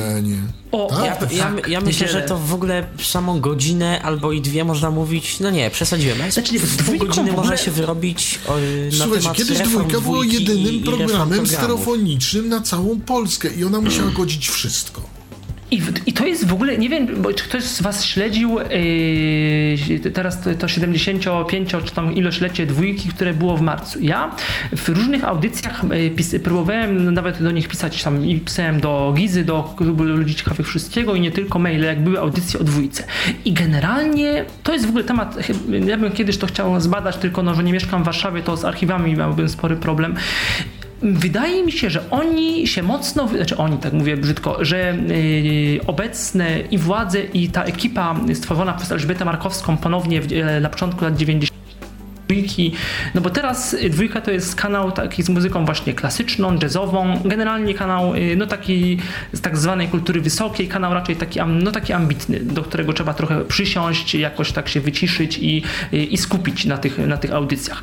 Y, I taka trochę dwójka była w latach, nie, nie aż taka, znaczy w latach 60., 70. ona była i tu są różne opinie. Obecnie y, ci, którzy właśnie pamiętają starą dwójkę, y, y, ci pracujący obecnie, tworzą taki, mam wrażenie, trochę mit, y, jak eksponują jaka to dwójka, nie ma tak jak trójka, że dwójka to była te, też taki azyl, że dużo kultury i tak dalej. Kiedyś, jak pamiętam z opisów czy z y, refleksji innych radiowców, ludzi pracujących w radiu, no to się mówiło zawsze, że to trójka była takim, powiedzmy, radiem, radiem azylowym, radiem bardziej swobodnym, a jedynka i dwójka to tak naprawdę było, no dwójka może trochę lepiej niż jedynka, ale to było coś podobnego. I potem w latach, pod koniec lat 70., a głównie po stanie wojennym, niestety no, z, z, racji politycznych część e, dziennikarzy, głównie tych z redakcji, bo to kiedyś jeszcze było, o tym też można by dużo mówić, były naczelne redakcje literackie w polskim, znaczy naczelne redakcje w Polskim Radiu, naczelna redakcja oświatowa, redakcja reportaży, redakcja, naczelna redakcja literacka, one, się, one różnie, różne miały swoje nazwy i te redakcje przy, e, przygotowywały dla jedynki, dwójki i czwórki osobne właśnie takie programy, różne audycje takie monograficzne, które e, najczęściej z taśmy, to były słuchowiska, ale nie tylko też audycje o różnych e, pisarzach, jakieś, jakaś literatura, jakieś tam e, no, audycje słowno-muzyczne, można by powiedzieć. Tego nie było, bo w trójce mieliśmy, do, e, tam trójka, trójka się rządziła innymi prawami. I na początku, właśnie po stanie wojennym, kiedy no, jedynka cały czas była, dwójka została reaktywowana bodajże 17 albo 19 stycznia, trójka w tym kwietniu. Y, i dwójka do 83 roku też jeszcze była taka trochę pomieszana, y, taka y, jak, bo to w ogóle kiedyś, to co kiedyś one się jakby, te programy się miejscami wymieniły, czwórka z dwójką, tak trochę. I od 83 roku edukacja przeszła już na pewno cała do czwórki, a, a do dwójki wrzucono niejako audycje, audycje właśnie z racji, że to był program stereo radiofonicznym wrzucono wszystkie, prawie wszystkie audycje y, muzyczne. Wtedy zresztą dyrektorem dwójki został Andrzej Korman. Dokładnie, i on tak to tłumaczył. I, tak, i, a mam wrażenie, że obecna ta ekipa y, Elżbiety Markowskiej i tej całej redakcji literackiej, która w latach 80., no to były, jak oni mówią, trudne czasy dla nich, oni zupełnie w tym świętowaniu y, jubileuszu dwójki, jakby zupełnie, jakby tego okresu nie było. Jakby były lata 60., 70., cisza i od, od 90 lat na nowo dwójka powstaje jako ten ambitny kanał. Czyli oni się odcinają swoją, po prostu od tego, co było w tych no, latach 80. Tak, bo, bo, swoją, no bo to, bo, bo, to w sumie to, bo to też mogło być takie specyficzne dla nas, znaczy tak naprawdę ci słuchacze, którzy włączali dwójkę, młodzi, no to pewnie to byli tacy słuchacze trójki, którzy się dowiedzieli, że w dwójce są fajne płyty, włączali, nagrywali płytę i do widzenia, i dwójkę wyłączali. Ci słuchacze dawni, którzy byli pewnie spragnieni literatury i muzyki poważnej, byli wściekli, że tego mieli za mało. Co, co to się z tą dwójką dwójkę. stało w tak, ogóle? I, ta dwójka, I ta dwójka być może faktycznie, no mówię, to by, to by trzeba, y, no pogłębione myślę analizy by trzeba zrobić. Y, I ta dwójka faktycznie chyba była taka bezpańska jakaś taka, no bo jakoś tak, no oczywiście we wspomnieniach są te audycje, no ja bo było, mm, przepraszam, że tak, takie dygresje, y, y, było pytanie od kiedy, jakiego radia, w jakich okolicznościach i jak to, co pamiętamy z pierwszego słuchania radia. No to właśnie ja pamiętam, znaczy oczywiście pamiętam połowę lat 80., jedynka, dwójka i czwórka. Czwórkę lubiłem bardzo, wszystkie audycje i edukacyjne i muzyczne. To było bardzo uniwersalne, fajne radio. Ja lubiłem dawno czwórkę bardzo. Y, no i, no i bardzo mocno pamiętam dwójkę właśnie z ofertą. No wtedy z racji wieku, no te audycje literackie, no ja teraz też bardzo lubię dwójkę, te audycje literackie obecne, tamte do mnie zupełnie nie dochodziły, no ale to, to normalne. Natomiast audycje muzyczne właśnie no, z dwójki to pamiętam bardzo, bardzo żywo.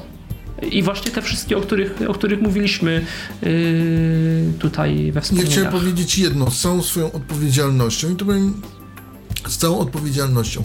Dwójka była jedyną stacją stereofoniczną mhm. wtedy, jedyną ogólnopolską. Trójka miała stereo, owszem, ale tylko na terenie Warszawy i okolic. Tak.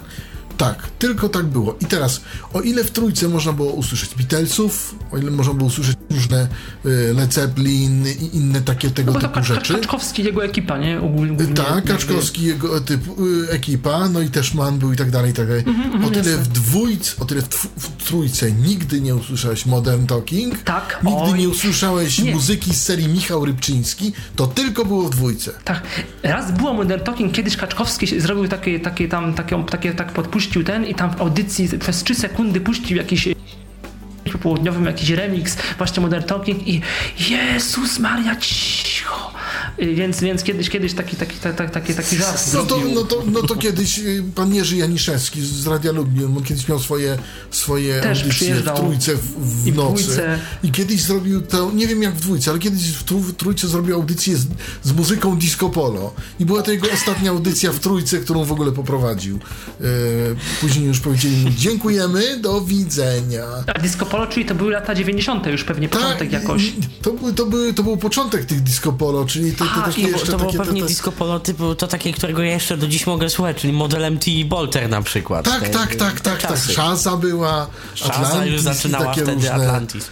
On tam odpowiednio Piękne to komentował czasy. i tak dalej, i tak dalej. W każdym razie to była jedna, jedyna audycja i myślałem, że może będzie powtórzona, bo to z soboty chyba na niedzielę, czy z piątku na sobotę w nocy. Ale niestety, ale już niestety. Się. Ja jestem, bardzo, ja jestem bardzo ciekaw, bo, bo tak w sumie nawet ja i osoby realizujące w Trójce zawsze tak y, mówiły, no, że, że, że też im się y, podobało, y, podobał ten klimat trójkowy. Ja jestem bardzo ciekaw, jak, jak, reago, jak zareagowała osoba realizująca tę audycję. nie wiem, jak zareagowano. Nie nam to oceniać. Nie nam to oceniać i my się nie, i my się nie dowiemy. Słuchajcie, nie słuchajcie, mam e, jeszcze tutaj od Magdy jeszcze jedno pytanie. E, napisała tak, ale czy nie było tak, że czwórka miała więcej w latach 80. klasyki niż e, dwójka? W pewnym, trzeba by policzyć, ale jest to, myślę, że pół na pół. Dwójka miała, znaczy nie wiem, godzinowo nie jestem w stanie teraz na to odpowiedzieć, musiałbym y, to rozpisać i podliczyć. Zresztą jest taka jedna strona internetowa, muszę na nią wejść, potem w komentarzu też podam jakieś źródła, postaram się. Na pewno czwórka klasykę miała, czy więcej? Miała, miała. W dwójce myślę, że trochę no klasyka godzinna, e, poranna serenada, potem od 10 do 11 i półtora godziny filharmonii, czyli jakieś 4-5 godzin. Trochę, myśl, nie, myślę, że trochę miała jednak więcej dwójka niż czwórka, bo w czwórce mieliśmy przed, przed południem coś tam poważnego w pewnym momencie, potem to zniknęło na rzecz magazynu Dom i Świat. Po południu też o, i ta łączność radiowa, ta łączność radiowa z Michałem jest dziś bardzo przerywana. Y, a teraz to chyba... Raczej Teraz to bardzo chyba dużą wiedzę, a teraz chyba całkiem się przerwało. a teraz... No, ale... teraz... Nie, no, halo, o, halo? jesteś, jesteś. No to słuchamy, O, słuchamy. Witamy. Radio wróciło. Na, tak, na czym skończyłem? Co, było, co, co, co, co dotarło Y, ostatniego? Że była poranna serenada, potem wieczór I że było coś, coś przed południem Że- poważnego w czwórce, ale potem to Tak, zniknęło ale, ale w magazynu tak, i- Świat. ra- y, tak, y, ra- magazyn Dom i Świat i po południu też, reasumując, mi się wydaje, że w czwórce, że w czwórce jednak trochę tej muzyki poważnej było mniej niż w dwójce, chyba. No, ja się nie dziwię, dlatego że no, ten przekaz monofoniczny... Dwójka była był muzyczna, czwórka była edukacyjna bardziej i, i tyle. No bo słowo nie potrzebowało takiego stereo. W dwójce jeszcze były słuchowiska. Tak. Były jeszcze słuchowiska i to było... Które na tamte czasy były realizowane świetnie.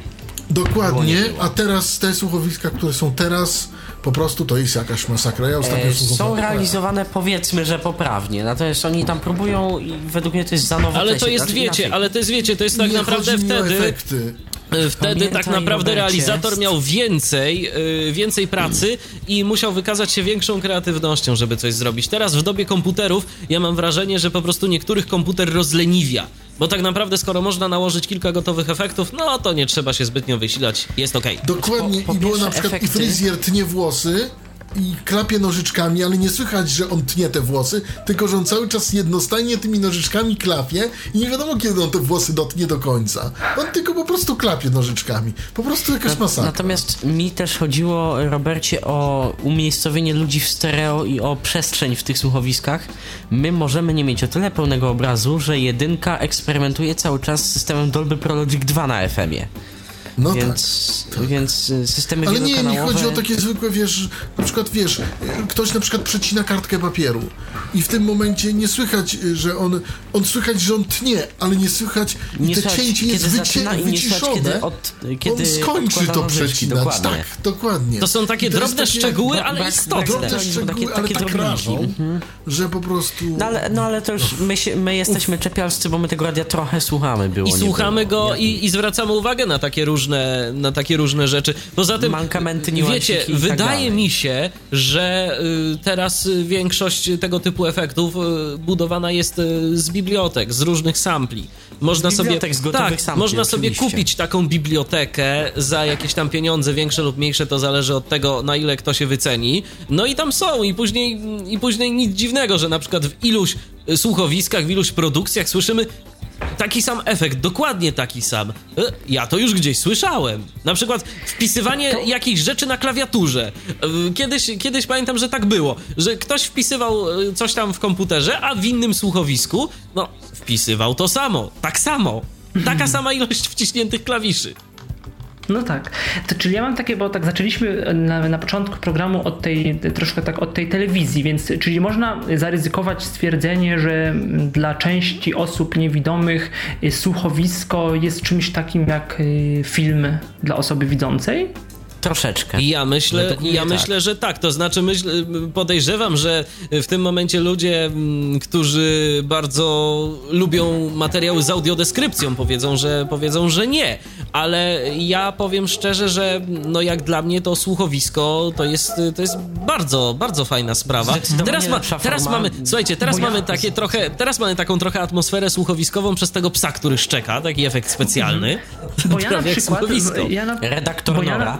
Tak. Ja na przykład y, powiem szczerze, bo y, tak się kojarzy, że osoby niewidome słuchowiska, no i tutaj poniekąd mamy tego potwierdzenie i bardzo fajnie. Natomiast ja nie mam cierpliwości i nie lubię słuchowisk. W ogóle nie, nie tak jak zbieram książki audio, tak słuchowisk raczej nie słucham. Nie, nie lubię. Nie, nie mam do tego cierpliwości. Może też dlatego nie jestem taką osobą, jak, jak niektórzy z was, pasjonatem jakiś taki właśnie, że y, no nie mam ani dobrych głośników, ani nie zwracam uwagi tak na właśnie na stereofonie, na jakieś specjalne efekty yy, akustyczne. No nie są to dla mnie rzeczy jakoś bardzo, bardzo mm, jakby yy, istotne. I, i, i yy, no na przykład ja słuchowisk, nie wiem czy ja w życiu, no pewnie kilku słuchowisk posłuchałem, ale akurat nie jest to... No ja pamiętam, no. dla mnie w ogóle pierwsze zetknięcie się ze słuchowiskami to była świetna audycja pod nazwą Radio Dzieciom. Yy, W jedynce radiowej o godzinie 19.30 od poniedziałku tak naprawdę do czwartku y, ja te audycje lubiłem. W piątek były audycje muzyczne, Nie, tak? w piątek by, w, nie, nie, nie. W piątek była audycja poetycka, co mnie po prostu. No, no, no, ja zawsze piątków nie lubiłem strasznie, bo nigdy mi się te wiersze nie podobały, bo, bo A jakoś. który to był rok? Przepraszam. Wiesz co, to był były lata więcej rok? 90. To były lata 90. A, to już nie, bo ja przedtem pamiętam, przedtem były y, radiowe nutki, y, czyli y, jak ona się, Krystyna Kwiatkowska, tak? I były y, i tam jeszcze inne, y, w, co- w co znaczy raz w miesiącu, y, co był cyklicznie różne audycje takie muzyczne bardziej były w piątki. Wte- Wtedy między innymi były te całe piosenki typu najłatwiejsze ciasto w świecie i te inne takie. No, to, no, no, to, tak, to tak, są tak. To, tamte jeszcze, to czasy. jeszcze trochę wcześniej, ale, ale tak, oczywiście. Tak, i to później na płytach wychodziło, nawet można sobie było taką płytę gdzieś tam Na winylach kupić. nawet. Dokładnie, dokładnie, na winylach. Natomiast y, za moich czasów, y, czyli to już lata 90., to właśnie w piątki była ta audycja taka poetycka, jakieś tam wiersze o kwiatkach i innych rzeczach, co mnie zupełnie nie interesowało. Y, w soboty był supełek. Co? Audycja bardzo dla młodszych audycja słuchaczy też końca. mi się nie podobała. A Y, o co w nie chodziło, przepraszam? tam były radiowe skrzaty. To taka O audycja. Matko Boska. No, to tam były radiowe skrzaty. Była y, kruszynka. Jak on się nazywał? U, u, puchatek, huchatek, uchatek, jako, jakoś tak. Ja ci, ja Huchaczek. ci, Mich- A może ja i ci Michale Huchaczek? nie powiem, ja ci Michale nie powiem, yy, Michale prowadzący z jednego prostego powodu. Za, yy, że, yy, bardzo nie lubię tego stwierdzenia, ale skoro my je tak wszyscy powtarzamy i powiadamy, to ja też powiem, za moich czasów. E, czyli w późnych latach 90., mniej więcej, kiedy ja tą jedynkę złapałem, bo łapanie jedynki to jest w ogóle u Patryka mit, ale to może y, kiedy wrócilibyśmy do wątku macierzystego, czyli jak to zaczął z radiem, bo ja w dziwny sposób zacząłem z radiem.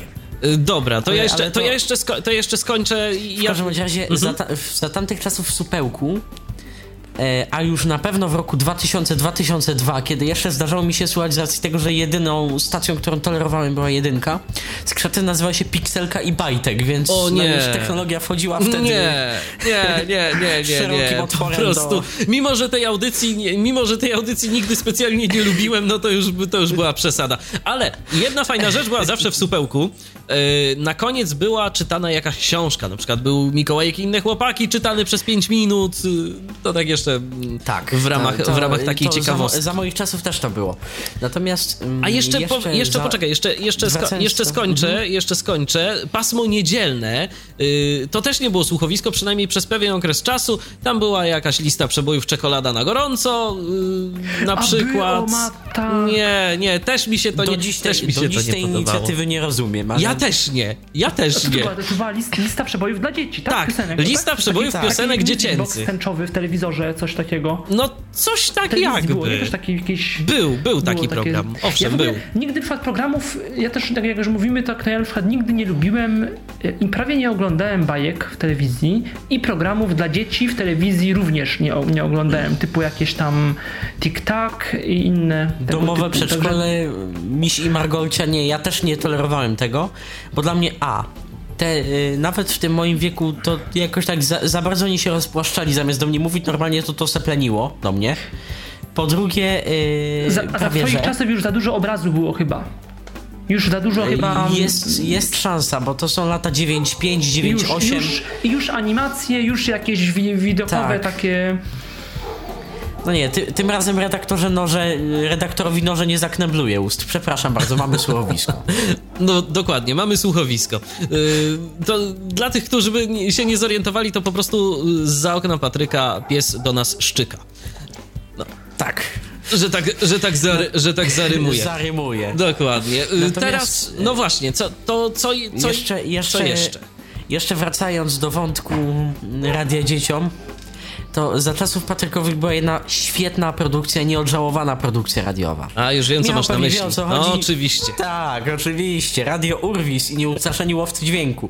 Tak. Czyli, czyli mm, fabryka do dziś istniejąca, która odpowiada, że za to między innymi, że muzyczki stacji wiodących komercyjnych brzmią tak, a nie inaczej. I też części kilka lokalnych. jeszcze innych ciekawych rzeczy. Oczywiście, że tak. To, Mm. to się wszystko zgadza. I to była audycja zrobiona naprawdę bardzo, bardzo fajnie, bardzo dynamicznie, tak nowocześnie, ale Przy yy, czym dało się tego słuchać. Przy czym tej audycji ja słuchałem w wieku już lat powiedzmy 8, 10, 9 ale tej audycji chyba będąc młodszym to się średnio dało słuchać troszeczkę, bo ona...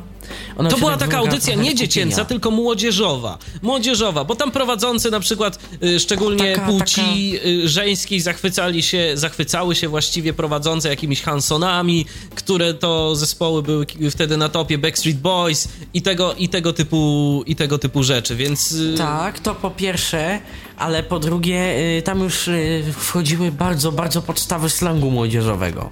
a to też To się jeszcze, zgadza. to jeszcze nie były czasy, to jeszcze były, o, może inaczej to sformułuję, to jeszcze były czasy, gdzie słowo, tu cudzysłów, zajebisty, koniec cudzysłowia, było tabu.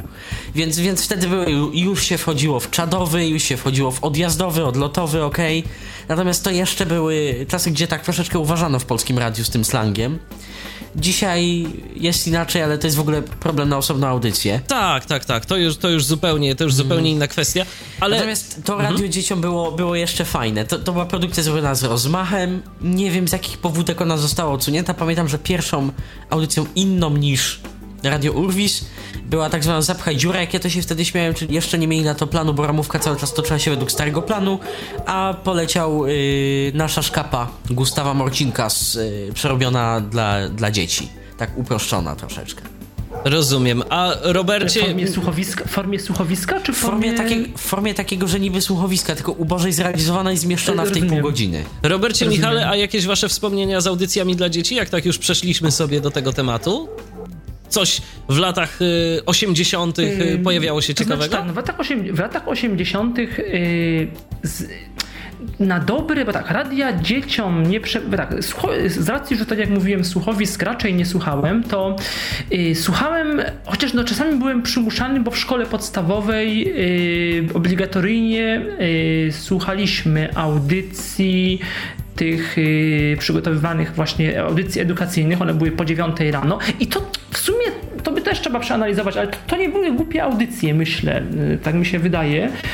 Yy, no więc to tyle chyba tylko audycji. To takie były cykle w czwórce właśnie, w programie czwartym. Już nawet nie pamiętam. Jak, takie, wiem, że jakieś były takie, jakaś taka audycja, taka niby poloni, język, no taka polonistyczna, powiedzmy taki język polski dla pierwszej, drugiej klasy szkoły podstawowej i pamiętam, że tam był jakiś, nie pamiętam yy, nazw jakby mm, głównych bohaterów, ale jednym z bohaterów był pies, który miał na imię Czasownik. O, no to rzeczywiście, to tak u, uczyć bawiąc. A Robercie, ty coś pamiętasz? Jeśli chodzi o mm, właśnie mm, radio dzieciom, no to słuchowiska, słuchowiska y, fajne, różne, na przykład y, Bracia Lwie Serce, było takie odcinkowe, tudzież inne jeszcze. mm, Tak, to później było emitowane też y, w. To Tak, było też emitowane w latach powtarzało. 90. Dokładnie, tak, dokładnie. Tak, Tam, to się powtarzało. Tam chyba już później zaprzestano takiej intensywnej produkcji tych słuchowisk. y, A Dokładnie. I, A teraz to już chyba w ogóle. Natomiast ja na przykład nie lubiałem y, supełka.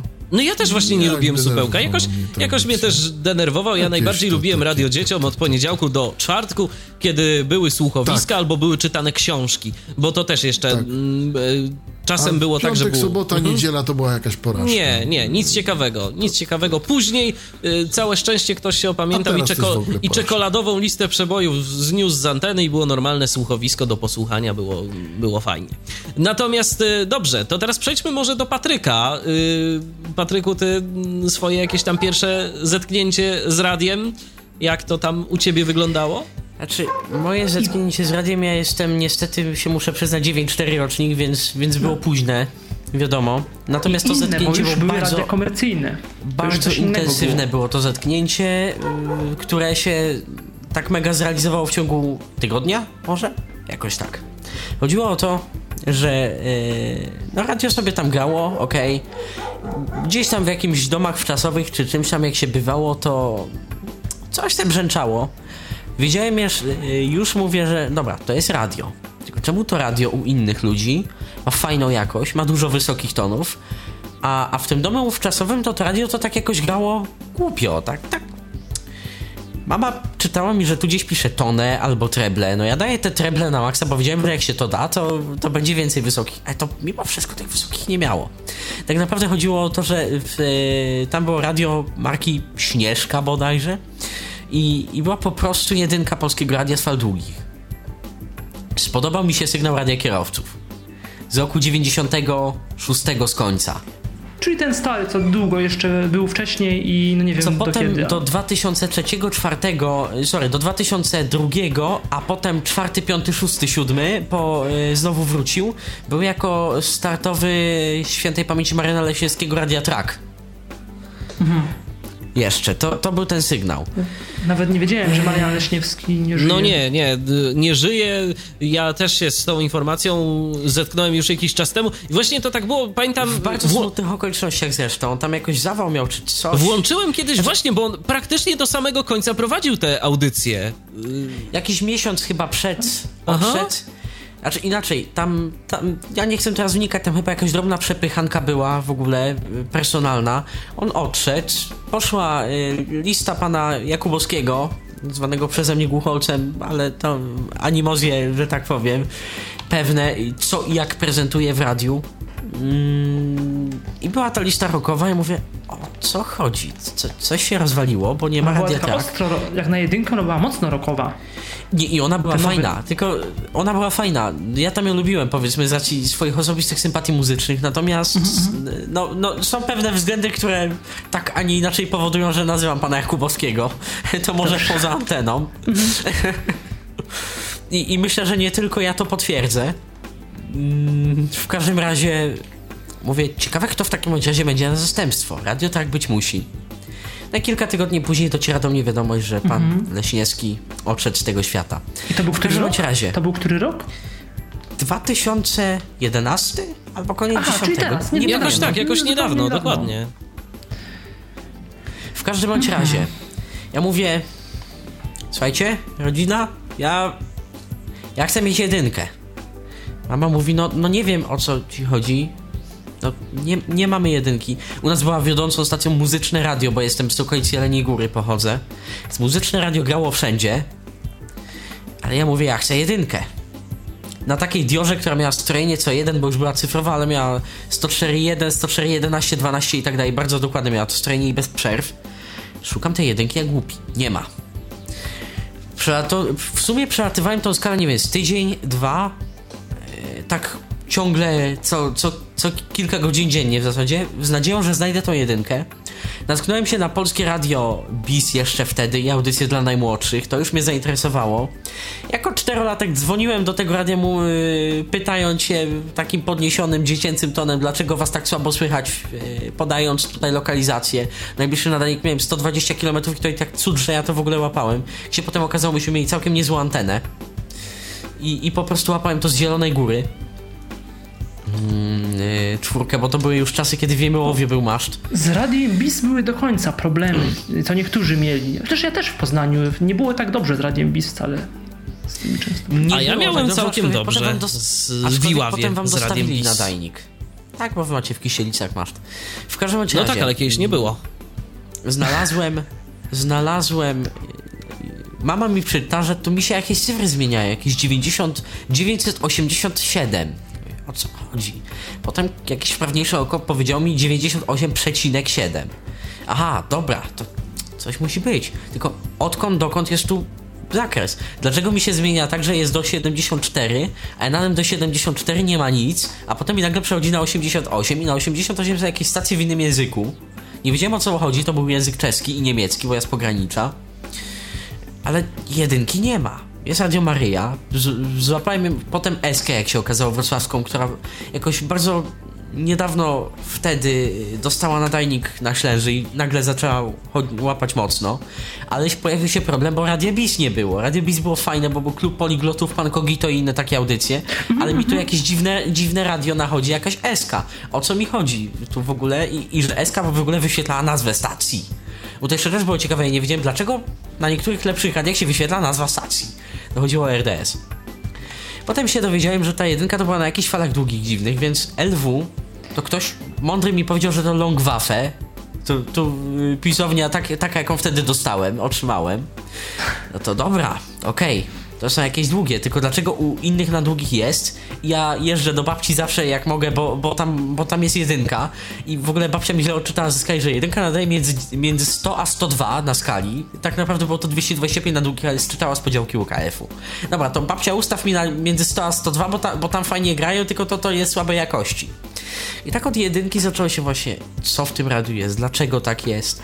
Po drodze łapiąc jeszcze mm, CB radiowców, którzy wtedy pałętali się po skali, gdzie tylko mogli, po FM-ie, bo to takie czasy były i wypowiedzi typu Janek, no włącz ten dopalacz, względnie rosyjskie telewizje, przebitki audio rosyjskich telewizji na OIRT, to, to była codzienność. O, o, czym się dowiedziałem kilka lat później, że to tak być może w ogóle. I też ekscytacja każdą co dalej złapaną stacją, każdą co dalej przekręconą anteną i co dziwniejszą stacją, względnie szumami, które wtedy nie wiedziałem, że pochodzą od sprzętów z mojego domu, względnie samymi nośnymi. O, temu radiu się coś zepsuło, bo sama nośna jest samo stereo, ja też chcę sobie zrobić samo stereo i jeszcze tam nadawać. To, to takie ambicje miał Patryk w wieku lat pięciu i, i, i nawet jeszcze w sumie siedmiu. I nie mówiąc o tym, że kolekcjonowałem wszystko, co stare i możliwe. Ja miałem Unitre Tarabana 2, Tarabana 1, RMS-a 475 i kilka jeszcze innych dziwnych modeli. No, Patryk w radiu, jak się zatopił, to w ciągu dwóch, trzech miesięcy przez te całe wszystkie lata w zasadzie do dzisiaj, włącznie z y, amatorskim nadawaniem nośnej z RDS-em i audycji na pół osiedla do dziś. Ja generalnie siedzę w tym radiu po uszy i jestem bardzo dużym przeciwnikiem cyfry. Ja to po prostu lubię. Przede wszystkim analog. No, na cyfrę to jeszcze sobie będziemy musieli poczekać, ale tak, zawartość analog programowa, i... zawartość programowa, Patryku, twoim zawartość, zdaniem. Zawartość co, co ciekawego wtedy cię zainteresowało? Wtedy co mnie ciekawego zainteresowało? Yy, zawartość programowa to już jest rok 2000, mniej więcej, czyli ja wtedy słuchałem rodzącego się radia Color, które później stało się radiem Złote Przeboje. Radia, które mi się bardzo podobało, bo miało radiowy dźwięk. E, chodzi o kompresję dynamiki już. Ale oni grali piosenki bez dziur. Znaczy piosenki bez e, tak zwanych crossfade'ów. Oni grali piosenki z dziurami. To można było nagrywać z radia. Ja mam do dzisiaj z 200 parę kaset z muzyką, nie tylko z Złotych Przebojów, z różnymi audycjami z radia, które Patryk nagrywał po prostu wszystkimi możliwymi magnetofonami, którymi się dało na kasety. I kasety to był wydatek roczny, no myślę, dość duży u mnie. I po prostu sama ta muzyka. Ja w wieku lat 7-10 słuchałem mniej więcej Pola Anki, słuchałem Rolling Stonesi mi się nie podobali, bo to było jakieś takie dziwne, ale słuchałem Richego Valensa, słuchałem e, Smokey i różnych dziwnych rzeczy 50 do wczesne 90. I w ogóle się dziwiłem, dlaczego tej muzyki jest tak mało i wszystkich najbardziej znanych ze znanych tych wykonawców ja już wtedy znałem na pamięć ich podstawowe takie większe hity ja tak miałem po prostu. A na przykład e, wspomniałeś Potem... o Radiu Color, e, z jakichś takich ciekawych y, rzeczy, które mieli w swojej ofercie programowej. Coś byś wymienił? Co ci Nie, zapadło to, w pamięć? To, to, była, to była tak zwana papka muzyczna, jak ja to dzisiaj nazywam. Tam było po prostu dużo muzyki i wiadomości co godzinę. Tylko dlatego jej słuchałem, bo tam były cztery piosenki, cztery piosenki z dziurami, czyli je można było oddzielić sobie, bo je można było nagrywać. Dopiero był, yy, sorry, były trzy piosenki z dziurami, był jingle, ale też z dziurą, w sensie identyfikacja stacji, dla tych, którzy nie wiedzą. Kolejna piosenka, po czym mówiono wstecz wszystkie cztery zagrane piosenki, przez co Patryk się edukował muzycznie w tych starociach. A z jakichś takich programów Dopiero... ciekawych, które gdzieś tam zapadły w pamięć, bo to jest myślę interesujące. Jak to się radio, zmieniło? Radio najmłodszych yy, z polskiego Radia BIS, ale to już po przeprowadzce do Wrocławia, czyli 2001 wzwyż. Yy, całe bloki dla najmłodszych, które takimi najmłodszymi nie były, bo to był target, nie wiem, 8, 9, 13 mniej więcej. Audycja Klub Poliglotów, czyli jak uczyli radiowo różnych języków też Radio Bis. Bardzo lubiłem Bis z klasów naukowych. Długo, długo go słuchałem po przeprowadzce i po znalezieniu, że jest w ogóle taka fajna stacja. Mm, co wtedy jeszcze? Obrady Radia Parlament. Jedynka. Interesowało cię to? Tak, bo do mnie radio gadało. Ja, jak chcę muzykę, jak ktoś był u mnie w domu, ja się nie bałem zostać sam, bo ja miałem dziwne różne fobie, to sobie słuchałem muzyki. Jak zostawałem w domu sam, to mówię, dobra, to radio ma do mnie gadać. Włączamy jedynkę albo parlament z fal długich, który mi szumiał, bo jeszcze mieszkałem w dość zaludnionej okolicy Wrocławia. Jedynka, parlament, ewentualnie naukowy bis. Czyli to przede wszystkim było to, czego słuchać. Robercie, a ty z lat 90. z tej komercyjnej radiofonii, która gdzieś tam zaczynała się rodzić wtedy, co ci utkwiło najbardziej w pamięci? Jeśli o mnie chodzi, to mm, ja troszeczkę wcześniej pamiętam. Ja pamiętam Radio Małopolska Fan tak zwane, to jeszcze było z Krakowa, a ono miało na tyle silny nadajnik, że można było to w Warszawie usłyszeć, znaczy pod Warszawą. Na 7006 to nadawało. A to jeszcze te w ogóle I- takie mega stare czasy fajnie. Tak, to była pierwsza komercyjna stacja polska. I ja mogę powiedzieć, że to było najlepsze radio wtedy. Ono potem się przekształciło w RMF FM, które, które, które to już w ogóle nie jest to, co, to, co w tej wtedy było. Ale to było naprawdę coś fajnego. Ten program był fajnie dynamiczny i taki no całkiem, całkiem inny niż, niż to ja później. myślę, w ogóle można- te radia ogólnopolskie, znaczy te radia, które się stały ogólnopolskimi, zatraciły swoją tożsamość tak totalnie i stały się takie bylejackie. Pamiętam, że nie, w swoich czasach, czyli 98, 2002, 2003, czyli tych najlepszych czasach takich y, dla mojego doświadczenia i przeżywania radia, to pamiętam, że właśnie RMF i Z to były dwie stacje, który, od których ja odchodziłem. Lubiłem stacje komercyjne, ale stacje lokalne. Wtedy mieliśmy jeszcze radio Aplauz wrocławskie, wtedy było radio RMI FM z Poznania, które no pamiętam jak sobie zdobyłem coś- lepszy, trosze, lepszy troszeczkę sprzęt, to, to RMI FM to była piękna stacja. Radiostacja z czasów dziwnych, czyli tych takich alternatywnych, które ja nie lubiłem, bo dla mnie mm, nie podobało mi się brzmienie radiostacji, czyli wtedy ichniejsza kompresja dynamiki. Wtedy ona mi się bardzo nie podobała. Za to podobały mi się programy gadane. Radiostacja miała dużo muzyki alternatywnej. Radiostacja miała taką, mniej więcej, ja tu teraz nie będę potrafił tego dokładnie udać, mm, sposób wymowy, sposób kontaktu z człowiekiem. To już było takie młode, interaktywne, takie...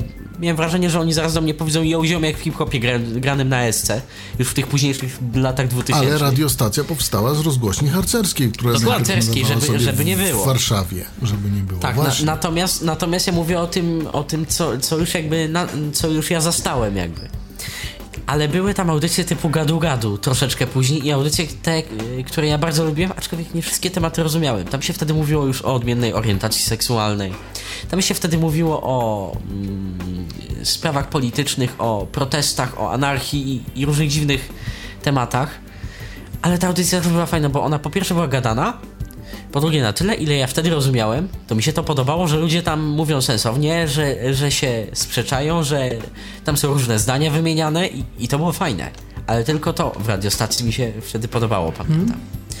No, ja z, No słuchamy. Mogę? Słuchamy, słuchamy. ja tak, z tak, kolei, prosimy. bo tak jak mówiliśmy o tym, że mm, o tym jak dzwonił słuchacz i mówił o tym łapaniu różnych stacji, no to tak, no to przez moje pierwsze e, 10 lat, no to wiadomo było tylko właśnie nie na, na UKF-ie mm, e, dwójka, trójka, czwórka i potem nagle był ten boom rozgłośni, e, na które dzisiaj mówimy komercyjne, kiedyś bardziej się mówiło rozgłośnie lokalne albo rozgłośnie mm, prywatne, no i w Poznaniu pierwszą taką stacją to było radio S, Radio S wtedy, y, jeszcze było S, hasło SK, to tak było koniec lat 90.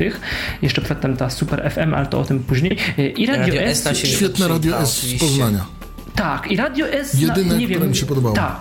To było Wtedy. radio, znaczy mi też jest trudno, no bo wtedy no byłem w innym wieku, trudno mi to porównywać do dnia też dzisiejszego.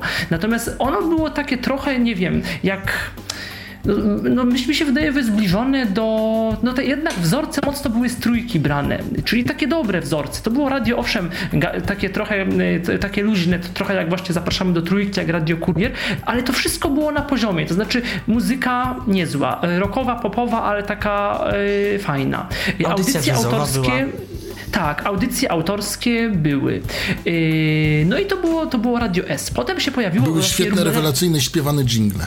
Tak, Poznańskim, tak, w poznańskim tak. Te I na, pierwsze- i na, i te na pierwsze, reklamę. tak. Tak. A we, we Wrocławiu na tą modłę mieliśmy bardzo podobne i we Wrocławiu ktoś wpadł na genialny pomysł zrobi, zrobić je. Tak, i w, w, nie wiem, czy nawet ja się tu nie chcę kłócić, co było pierwsze jajko czy kura, bo to historia może łatwo udowodnić, ale nie wiem, czy S wrocławski nie był przypadkiem Być pierwszy. może, bo w ogóle były A tak naprawdę wszystko i tak chodzi od radia Solidarność, czyli właśnie od S Warszawa. To, to jest tak, wszystko. jeszcze tylko... potem, później jeszcze była S, S właściwie SK, SK Nord w, Trójmie, w Gdyni, w Trójmieście i nawet kiedyś zrobili taki eksperyment w 96 roku i chyba w dwie takie piąt, dwa takie piątki, że cały dzień robili wspólne nadawania, cztery Eski. Niby na zasadzie takiej Tak, i, współpracy, i, i coś. Potem, potem, ta, potem ta SK Nord y, doprowadziła do niezłego bałaganu w trójmiejskim eterze i do zmian na Hit FM. Dokładnie, Radia SK. Eski, Tak, eski właściwej. Tak. Później, Jakieś tam później... zaszłości były, zaszłości były, o których... No i w Poznaniu zaczęło się dziać dalej. Obok tego radia S, a właściwie na początku na tej samej częstotliwości, a później obok na 73 ileś, pojawiło się studenckie radio Afera, które, znaczy ja tego radia nie lubię, bo to jest radio mocno takie alternatywne i ja, ja się taką muzyką nie, nie interesuję. Yy, Co by nie mówić, to radio, yy, no to jest jakieś takie, to jest radio studenckie, radio autorskie i no na pewno nie jest to takie radio jak, jak większość tych rozgłośni komercyjnych. Na początku afera ona była od 20 do 24 tylko i ona była taka bardzo studencka, dużo audycji z taką piosenką jakieś typu, no wtedy też nie było tego terminu chyba Kraina Łagodności, ale właśnie z taką piosenką turystyczną wtedy się mówiło, yy, harcerską, ale też też rockową. Od piosenek to było- zlotowych do nieba do wynajęcia, tak? Tak takie klimaty. to było, ale, ale nie tylko, bo też była ostra muzyka rockowa, no to takie radio, kto podejrzewam, że kto się czym interesował, to po prostu przychodził z tym, co Tak miał grał i- i tyle. tak grał i tyle. To było I to radio, sobie cenię w radio, radiu. Mhm. I to było radio Afera, no nawet chyba w jakimś akademiku czy w mieszkaniu, było to takie zupełnie prowizoryczne, ale bardzo to było fajne. Potem pojawiło się w Poznaniu, yy, no tak, yy, wspomnę o tym radiu RMI, które, e, które na początku się nazywało Radio Z przez dwa miesiące. I to, ja nie wiem, czy oni, no bo to były takie dzikie czasy, to był 92 rok, e, lipiec, i to Radio Z transmit... Na nie wiem, 66 zupełnie- i coś. Bodajże. Yy, 68. 68. 6806, o. Tak. I to Radio Z, yy, no nie, wiadomo, czy oni sobie tak tą nazwę sobie, sobie tak wzięli, czy to skonsultowali z Warszawą. No efekt był taki, że chyba nie skonsultowali, e, że po, po, dwóch miesiącach nagle się zmienili jednak w Radio RMI. Co ciekawe, to Radio Z przez ten początek, a może to były jakieś względy już koncesyjne regulatora, tego nie wiem, czy bardziej samej Zetki warszawskiej, czy regulatora. I to Radio Z yy, transmitowało przez telefon wiadomości z Zetki z Warszawy. O, to, Na początku. to było ciekawe. rozwiązanie techniczne. Tak, bardzo Tego ciekawe nie rozwiązanie techniczne. I Ja to bardzo słabo pamiętam. Pamiętam tylko, że płytą tygodnia była w cały sierpień wałkowali Weekend Dance płytę, ostatnią tą du dużą płytę Genesis z Philem Collinsem. Z Aha. Collinsem Mhm, mhm. bo to był ten, mniej więcej ten czas. No i to było, to było RMI. Potem się pojawiło, y, no czyli już na, na tej skali, y, na tych różnych częstotliwościach rozgłośni było coraz więcej. było. A potem jeszcze była ta kampania, ale to później 88 do 108, górne pasmo UKF, taka była kampania, y, powiedzmy społeczna, Y, ale nie wiem, czy tylko w Poznaniu, czy to w całej Polsce. Ale no jeszcze było takie radio, którego nie wiem, czy y, ktoś z Państwa pamięta, bo to takie radio, radio obywatelskie. To był jakiś czasowy projekt w Poznaniu. To Tak, od to 92 do 97 8 roku z, twórcą był y, pastor Robert Gamble, który później, później y, on się zajął wydawnictwo Media Rodzina, utworzył. I nie tylko, y, nie tylko to. Wydawca Harry'ego Pottera, tak, tak w ogóle na marginesie. Tak, na i właśnie. Polskę. Y, Tak, i to radio to było, ono, no to, to, to było radio, które mi się podobało, natomiast ono było trochę, jak na tamten dla mnie czas smętne, bo dużo dzwoniło y, ludzi starszych i to było radio trochę takie w temu, co, się- co się działo w radiach właśnie tych, tych innych prywatnych, bo to było hasło radio obywatelskie, radio, które słucha ciebie.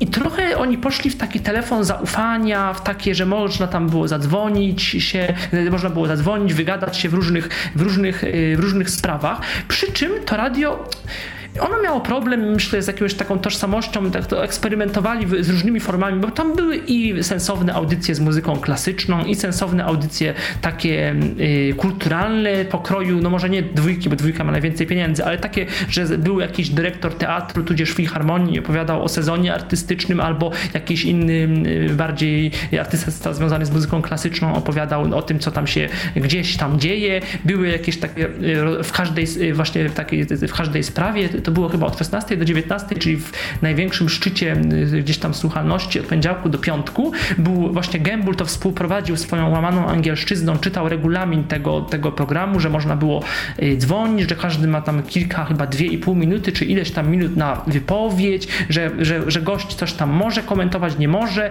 że lepiej mu, się nie, nie kłócić, na przykład mówić odnoszę wrażenie, niż że pan nie ma, pan, że pan nie ma racji. I takie, to było takie, to było takie coś innego. Gembul takie trochę. to musiało być. Gembul takie trochę ja... próbował przeprowadzać takie rzeczy związane trochę, myślę, z poprawnością polityczną, z takim gdzieś tam szacunkiem y, do takie, takie, takie rzeczy amerykańskie, których u nas jakby o, o, których u nas wtedy się nie śniło. No i to radio niestety źle skończyło. Ono potem wprowadziło reklamy w 97 roku, ale to, to nie dlatego źle skończyło, że wprowadziło reklamy. Miały te reklamy je uratować, ale nic z tego nie wyszło. Wiadomości potem transmitowało, bo yy, to w ogóle były czasy, kiedy radia jeszcze miały swoje agencje, często swoje wiadomości przygotowywały. Radio Obywatelskie nie poszło tą drogą, znaczy na początku poszło, a potem transmitowało z, bo wtedy, z redakcji Radia Wolna Europa, w takiej upadającej, która potem potem y, po prostu przygotowywała dla niektórych rozgłośni wiadomości, jakby kiedy już, na czwór, kiedy już w czwórce, bo y, przypomnijmy, że na początku lat 90. Wolna Europa miała swój cały blok w czwórce od 6 do 8 i od 17 do 24.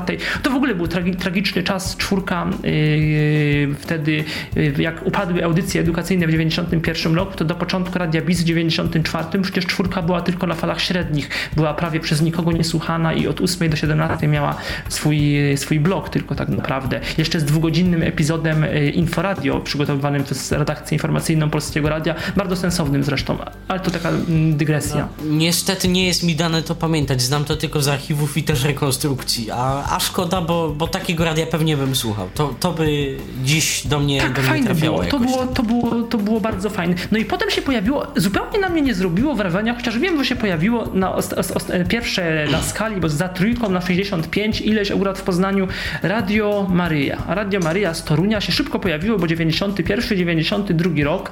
Radio zupełnie inne niż wszystkie, bo mm, radio mówione, też oparte trochę jak radio obywatelskie na telefonach słuchaczy, ale transmitujące msze święte, różne uroczystości religijne.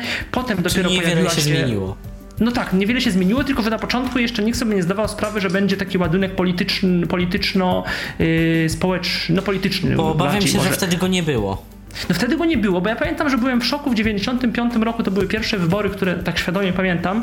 Wtedy byłem po ósmej klasie, to były te wybory, gdzie y, Wałęsa przegrał, przegrał z Kwaśniewskim, prezydenckie y, i to były mhm. pierwsze wybory, kiedy Radio Maryja, co byłem zdziwiony, że przecież radio, które nigdy w ogóle nawet nie wiem wtedy czy wiadomości, przecież naszego dziennika też jeszcze nie było, nie mówiąc o telewizji Trwam. Y, i to Radio Maryja transmit, transmitowało, wtedy jeszcze byli w zgodzie z Lechem Wałęsą, transmitowali całą jego prawie że kampanię Yeah. No ale później była cała akcja ratowania stoczni, upadku Stoczni Gdańskiej, odwrotu od Wałęsy, ligi, ligi powstałej ligi, właściwie nie Ligi Polskich Rodzin, chociaż przedtem było, jak to było, nasze koło, Jan Łopuszański, coś takiego. No ale później 97, no to już 97, 98 rok. Czasy. No tak, to AWS i, i Łopuszański, który się w, z, z Janem Maria Jackowskim, jak się z AWS-u wypisał. No ale to abstrahuję. In, inne zupełnie czasy. Jeszcze się nie, nie śniło, że Jarosław Kaczyński Y, z Lechem Świętej Pamięci cokolwiek będą mieli wspólnego y, z polityką. Znaczy nie, on, z, on, polityką, on chyba Maryja. W, on już chyba w Warszawie zaczynał wtedy Lech Kaczyński. Dobrze, nie, ale może do radia wróćmy, bo, jak, bo, bo polityka też, bo polityka, wróćmy, wróćmy do radia, Michale, bo polityka to jest temat, y, o którym można by pewnie Rzeka. rozmawiać tak, jeszcze więcej niż o radio, a audycja jest to radio. No, radio, radio. Radio to też temat rzeka. Ja... No oczywiście, dlatego jestem za tym, żeby kontynuować temat radia. Dobrze, no to, no to dobrze. Radia radia, radia, które się w Poznaniu pojawiły nie z Poznania, czyli radia, yy, komerc, yy, radia prywatne ogólnopolskie, Radio Z z Warszawy i Radio RMF z Krakowa. Ja miałem trochę znajomych na południu i on, dla, w, dla nich RMF to po prostu było, mówię o zupełnym początku lat 90. Dla nich RMF to po prostu było niesamowite radio. O RMF-ie słyszałem. Yy, Czyli to, co mówił Robert. Jest, tak, tak. I być może tak było. Ja jeszcze trochę pamiętam 93, 4, tak do 96 to RMF, no niech będzie siódmego, nie było głupie. Radio Z na, do, do śmierci Andrzeja Wojciechowskiego, czyli do 95-6 roku na początku było też, to było, to było moje ulubione. Ja wtedy trójki nie słuchałem w ogóle prawie, nudziła mnie. Dwójka to wtedy jeszcze też zupełnie nie, jedynka tak średnio, więc to Radio Z to było coś, yy, co mi się wtedy bardzo podobało. I podobało mi się, właściwie mi się wydaje, że to było takie połączenie no trochę teraz trójka taka próbuje być, czy może jest chyba najbardziej zbliżona do tego, czym kiedyś było Radio Z chyba. Bo Andrzej czyli, Wojciechowski czyli... wywodził się z trójki. Zresztą. Oczywiście. Oczywiście. I to Radio Z, no to było, byli yy, dowcipni, dowcipni speakerzy, prowadzący, nie speakerzy, osoby, mm, jak ich nazwać, osoby, osoby prowadzące. Prezenterzy. Ale to wszystko miało swój, prezenterzy, ale to wszystko miało swój, yy, wszystko miało swój umiar. Muzyka myślę, że myślę, że całkiem ok. E, dużo było informacji. Oni też gdzieś tam e, trochę w takie dużo było takich programów biznesowych, gdzieś tam właśnie wtedy wchodziły informacje giełdowe, dosyć rozbudowane przeglądy prasy, komentarze polityczne, jeszcze, jeszcze Dariusza Fikusa, Ernesta Skalskiego, czyli takich starszych, starszych dziennikarzy. W ogóle takie. To było dobre radio na początku. No i tak to się, no i potem jeszcze było z takich, kończąc ten temat, bo później już nie będę mówić o tych przeobrażeniach typu e, właśnie Radio S, Radio tam Super FM, Radio SK, czy tam te radia Złote Przeboje, które też na początku nie były złe. No to jeszcze ostatnim takim radiem dość istotnym e, w Poznaniu, które wywodziło się z takiego środowiska, no jeszcze przedostatnim, środowiska takiego powiedzmy studenckiego było radio Winogrady, które potem się przemieniło w radio Fan bodajże. Dobrze mówię? Nie mylę chyba. Y, no i to było też niezłe radio z niezłymi, się, tak. z niezłymi audycjami, audycjami muzycznymi, autorskimi, z niezłymi informacjami. Ono w 2000 roku zaprzestało, y, zaprzestało w listopadzie y, istnieć. No i, aha, no i w Poznaniu ciągle było popularne. Uważam, że na tamte czas też bardzo dobre Radio Merkury, czyli oddział publicznego radia, radia Polskiego Radia w Poznaniu. Merkury było odkąd pamiętasz? Bo ja nie pamiętam jak, on, jak oni tam rocznikowo. To, no Merkury było od początku transformacji, stare. czyli no znaczy, Merkury, znaczy nie, no, Radio Poznań wiadomo, jako takie istnieje od tam 27 roku bodajże. Bo to jedno z pierwszych było, to jakieś takie tak, duże to, było, to, to. Tak, to było jedno z pierwszych. I, a Merkury powstało y, od razu w 90, 90, 91 roku i to było, w sumie wszystkie radia prawie nazywały się od miast, a wyjątkiem było no co, Radio dla Ciebie z Warszawy i Radio, i radio Merkury. No i jeszcze Radio PIK. Tak. A tak, Radio PIK, czyli Polskie Radio Pomorza i Kujaw z Dokładnie. Bydgoszczy. Dokładnie. Y, tak. Y, I Radio Merkury, no do pewnego momentu moim zdaniem było, o też wtedy słuchałem dużo Radia Merkury. Radio Merkury było bardzo fajne, natomiast y, no teraz, no nie, dla mnie teraz to jest tragedia. Także tak można, tak u mnie się przedstawiała ta mapa, mapa jakby zainteresowań rozgłośniami prywatnymi. A nie wiem, czy mówiłeś, Michał, tak? o to czte, nie, Pop FM jeszcze było coś takiego, Pop Non-Stop. To później, Pop FM to są późne 90. Później to, to było? Jakieś są, to już są To też było Radio S wtedy. E? Tak, na pewno. E, skąd ja wiem, bo ja byłem w Harpo, przepraszam, że tak mówię, ale ta firma jest z Poznania, żeby no tak, tak, oglądać sprzęt, a przy okazji słuchałem właśnie tej poznańskiej skali. A, mieli włączony, aha. A Robercie, a z I, jakichś... i, i pop non-stop. A Robercie, a z twoich jakichś takich lokalnych e, na przykład e, wspomnień dotyczących radia, bo ty powiedziałeś tylko o RMF-ie, coś jeszcze może ciekawego pamiętasz, przytoczysz? No, Radio Wawa, jego początki, jeszcze jako piracka stacja, Radio S Wojciech, początki. Wojciech Radio... Reszczyński, Reszczyński, tak. Tak, tak który... i potem, potem Robert Killen, który jest tam do dziś. Tak, Robert Killen, który jest tam do dziś. do tego. Natomiast to radio najpierw było rock and roll, potem było... Mm, Takie popowe. Z przebojów. Dokładnie. Nie, najpierw było rockowe właśnie. No właśnie, o, ja już mam na myśli ten mix. Classic rock. Mhm, classic rock. Tak, najpierw oni korzystali, oni korzystali, powiem wam, mm, z takiego w ogóle zestawu yy, muzyki. To, było, to była taka... Teraz można coś takiego sobie nawet kupić. Niektóre firmy amerykańskie przede wszystkim coś takiego oferują. Takie zestawy pod format można sobie kupić taki zestaw muzyczny i oni wiem, że już na początku lat 90. właśnie z tego budowali swoją bazę. Yy, ten format Classic Rock. To, to budowali na podstawie po prostu gotowej jakiejś takiej kompilacji i to było ich podstawą. No i wiadomo, pewnie jakieś tam jeszcze polskie, polskie utwory to już z własnej płytoteki dorzucali. A co, Robercie, na temat twojej lokalnej radiofonii z Suwalszczyzny? Bo tam też coś się pojawiało, prawda? U mnie było tylko Radio 5 e, z początku beznadziejne, teraz dalej jest beznadziejne, chociaż trochę mniej beznadziejny niż jest. Ale z braku laku to i kit dobry, więc go słuchają. Ja go nie słucham, bo nie mam siły na, na coś takiego generalnie. Raz. A dwa, no Radio Białystok takie się potem przekształciło mm, z, z, no tak jak wszystkie lokalne, no to najpierw było fajniejsze, teraz jest troszeczkę gorsze, ale, ale lepsze na pewno od Radia 5, yy, że tak powiem. Mam pytanie, y, od kiedy, od kiedy Polskie Radio Białystok y, mniej więcej nadaje audycji, czy to od początku y, były te audycje w językach litewskim, ukraińskim i białoruskim? Oczywiście. Znaczy były, nie, jak były te mm, audycje lokalne tylko na, program, na w paśmie programu drugiego, to były audycje tylko w języku białoruskim. Y, ukraińskie i litewskie doszły, y, jak już y, radio dostało, że tak powiem, całą częstotliwość dla siebie. czyli, aha, przez ale 24 czyli, czyli, czyli jeszcze, że tak powiem, za, za komuny, w czasach, czasach komunistycznych też były po białorusku. Tak, po białorusku audycje? były, to były audycje w niedzielę o 8.30, białoruski magazyn radiowy i, i, i, i chyba tyle to było tego, bo to, bo to mało wejść tych było. W ogóle- mało tak. W ogóle, y, Robercie i Michale, nie tylko Radio Białystok w czasach środkowych, czyli już po transformacji, a przed czasami dzisiejszymi, koniec 90. i wczesne 2000 nadawały audycje w y, różnych językach. A, a niektóre mają to do dziś. Na przykład Radio Wrocław cały czas, z racji, że to jest miejsce repatriacji lwowskich, cały czas nadaje audycję sami swoi, co prawda już teraz w opłakanym stanie, bardziej muzyczną. No w sumie z tych 30 minut, które oni tam mają, słowo to jest z 7 minut, gdyby tak powycinać wszystko. E, Ale audycja na papierze jest, ładnie się Ale to wyrabia oni, normy oni, to po, koncesyjne. oni to po, Audycja ale oni dla to po, dla- dla oni to po mniejszości. ukraińsku? Po ukraińsku, tak? Tak, Nadają? tak, Czy- tak, Mhm. tak, tak, tak. Aha. No Radio Katowice ma Opole też po niemiecku, przecież Opole ma Radio audycję Koszalin- po niemiecku. I Radio Olsztyn też ma po niemiecku. Radio Olsztyn też, Tak. serwisy informacyjne na przykład też jeszcze mieli swego czasu. Nie pamiętam, A czy teraz było mają. coś tam więcej w ogóle. Po temu niemiecku w Radio Olsztyn chyba. Tak mi się coś No, bo to w i głowie. taki- No bo taki jest, jak region, niedzielę włączysz od więcej- 20, to masz po niemiecku prawie przez dwie godziny.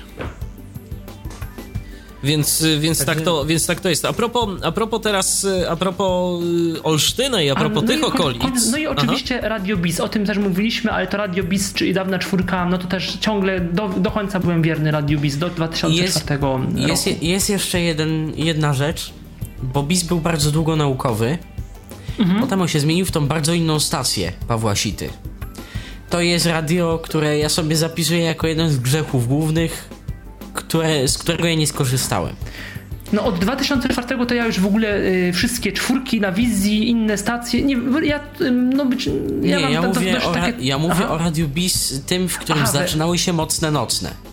Tym Aha. już nie naukowym, tym, co się tam od września z Pawłem Sito przemieniło. Aha, aha, się zrobiło rozumiem. takie interaktywne, trochę się zrobiło bardzo alternatywne muzycznie i mm, ja dzisiaj tego radia żałuję. Że ja wtedy Rozumiem. nie słuchałem tego radia, bo Roz- rozumiem. teraz by mi Mhm. się ono bardzo podobało. Ja tak coś czuję. A To ja jeszcze wam powiem z takich moich y, rzeczy, które gdzieś tam na skali pamiętam, y, w okolicy Iławy, no my to mieliśmy w ogóle fajnie, bo y, ra, miejscowość niewielka, około tam 30-30 y, kilku mm, tysięcy mieszkańców, a w pewnym okresie mieliśmy dwa lokalne radia. No, pierwsze lokalne radio to było Radio Iława, które się wywodziło w ogóle z osiedlowego Domu Kultury. Najpierw nadawało w ogóle bez koncesji, no a później yy, człowiek odpowiedzialny za to, który kiedyś także był kierownikiem Domu Kultury, czyli Jerzy Kalisz, postanowił, że on to sobie założy radio. No i założył to radio od y, roku 1994. Yy, funkcjonowało aż y, no, wchłonęła, to, wchłonęła to radio y, sieć SK. i teraz na 89 FM mamy SK. Kiedyś jeszcze na OIRT y, 68,24 FM. To tak było, to było bardzo ciekawe, bo na tej samej częstotliwości nadawało radio Weekend y, z Chojnic.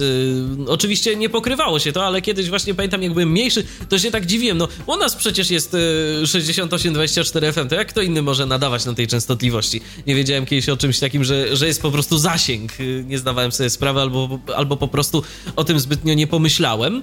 No, radio jak radio.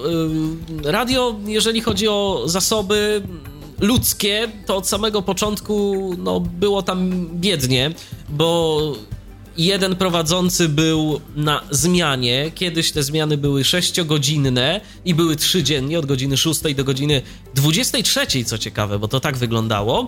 Y, ta zmiana trzecia była krótsza. Y, prowadzący robił wszystko, czyli i y, czytał serwisy, i był prezenterem, i czytał ogłoszenia, więc tak to wyglądało. Natomiast i także nagrywane były przez prowadzących reklamy nie były nagrywane przez serwisy y, jakieś przez firmy zewnętrzne i dlatego też bardzo takim pozytywnym zaskoczeniem było, kiedy pojawiło się Radio Wama. Y, to było Radio Wama, to skrót od Warmia Mazury y, na częstotliwości 90,20 w Iławie, lokalna filia stacji, która mm, zaczęła nadawać wcześniej w Olsztynie, pojawiła się u nas w Dzień Niepodległości, w święto odzyskania niepodległości y, w roku 94 bardzo, bardzo fajne wejście, miała taką muzykę eurodensową, zaczęła prezentować od samego początku, natomiast y, no, bardzo pozytywnie y, za... bardzo pozytywnie się przedstawiła, bo tak, nie dość, że inny prezenter, inna osoba czytająca serwisy, te wszystkie podkłady i ta cała oprawa bardzo profesjonalnie zrobiona. Zrobiona przez nieustraszonych łowców dźwięku, o których już y, mówiliśmy w dzisiejszym mówiliśmy. programie. Tak. E, więc y, to było wszystko bardzo na takim wysokim poziomie. No i naprawdę do pewnego momentu y, to radio, w tym radiu pojawiały się różne audycje, muzyka rozrywkowa, muzyka pop, też sporo densu się pojawiało. Jak czasem się pojawił jakiś prowadzący, któremu się dens podobał, to potrafił ten dens cały czas grać. Nie zważając w ogóle uwagi na, nie zwracając uwagi na inne gatunki muzyczne, więc tak to, więc tak to wyglądało. Natomiast co ja mogę powiedzieć jeszcze? Później zaczęło się to psuć. Pojawiła się audycja, pojawiły się mm, łączenia lokalne z ze stacją z Olsztyna. Y, już tego programu lokalnego było coraz mniej, a później y, Wama została wykupiona przez AdPoint, przez y, firmę, która zmieniła format tego radia na format Złote Przeboje, a później zmieniła się, jeszcze później była, była jedna zmiana, także i właściciela, bo za to wszystko wziął się Eurozet, czyli firma, właściciel Radia Z, Później Wama też zmieniła format. Dokładnie, dokładnie tak. No i później jeszcze była jedna zmiana, zmiana formatu, taki trochę powrót do tego, co było wcześniej, no a potem pojawiło się e, Radio Planeta. Ale jeszcze z takich stacji ciekawych, które gdzieś tam na skali można było złapać i to niedaleko, to było radio, które bardzo fajny miało też początek i przypomniało mi to, to radio obywatelskie, o którym mówił y, Michał, bo to było Radio Mazury. Wyobraźcie sobie, że tam był jeden taki prowadzący, on się bodajże nazywał Cezary Burzyński i on miał bardzo ambitny plan. E, właśnie wprowadzić taki model takiego interaktywnego radia, że każdy by mógł zadzwonić, o czymś tam porozmawiać. Mm, problem był tylko jeden. Czyli trochę tak jak początki TOK FM, znaczy tego tak, inforadia tak, yy, dokładnie. na początku samym. Dokładnie. To już bardziej TOK FM taki, taki późniejszy. Yy, ten, ten przed, yy, przed reformą taką dosyć dużą. Ale mhm. co, do tego, co do tego radia, tam był jeden zasadniczy problem. Yy, hybryda telefoniczna, czyli urządzenie do przyjmowania słuchaczy, było źle ustawione. I po prostu, kiedy słuchacz dzwonił, brzmiało to mniej więcej tak. Po prostu nie łapało to urządzenie sygnału yy, mowy ze strony słuchacza. I mimo, że plan ambitny, to ten pan chyba nie bardzo wiedział, jak sobie to ustawić, efektem czego no, zawartość programowa była, była mało ciekawa, później chyba dał sobie w ogóle z tym spokój.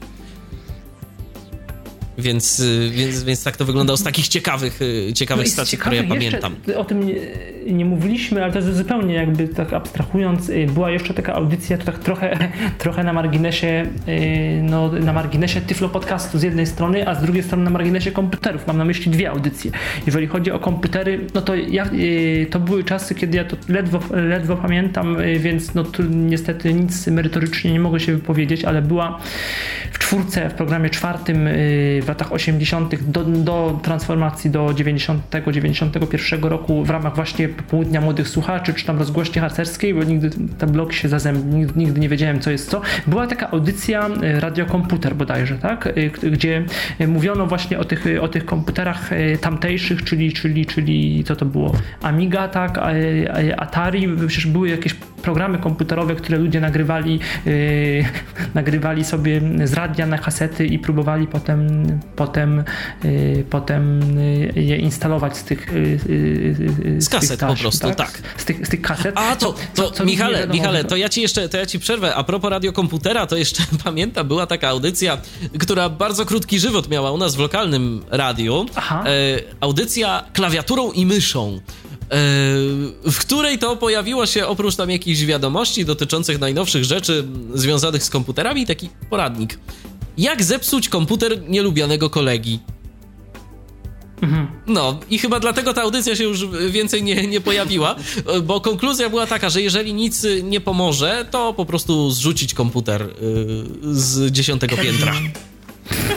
Mhm. tak, to lokalny folklor, folklor po prostu, lokalny folklor. Yy, aha, yy, no a, a, z kolei, no i, no i jeszcze były takie audycje, to nie wiem, czy ktoś z Was pamięta yy, audycje, no bo pro, program czwarty y, to, to, był oczywiście program misyjny, miał audycje wszystkie możliwe, miał i muzykę, i edukację, i poradnictwo, i audycje dla dzieci, młodzieży, osób starszych, i audycje religijne dla katolików, chrzest Świętego Krzyża i inne nabożeństwa dla innych wyznań, to tam się od lat 80. wzięło między innymi postulaty Solidarności Solidarności. No i również miał audycje, y, audycje specjalne dla osób niewidomych, znaczy dla innych niepełnosprawnych też, ale również dla osób niewidomych. I na początku to była, znaczy ja nie, nie wiem do końca jak było przedtem, natomiast od 84 roku, od stycznia miała miejsce, y, była emitowana w środy o 8 ile? 8.10 bodajże audycja Sygnały Świata, wtedy się nazywała, przygotowywana przez Wiesławy Zychowicz, później, później przez, przez Magdalenę Maciejewską, ale to już trochę chyba później. No i to była audycja cykliczna, cośrodowa, poświęcona właśnie osobom niewidomych. Ona potem w latach 90.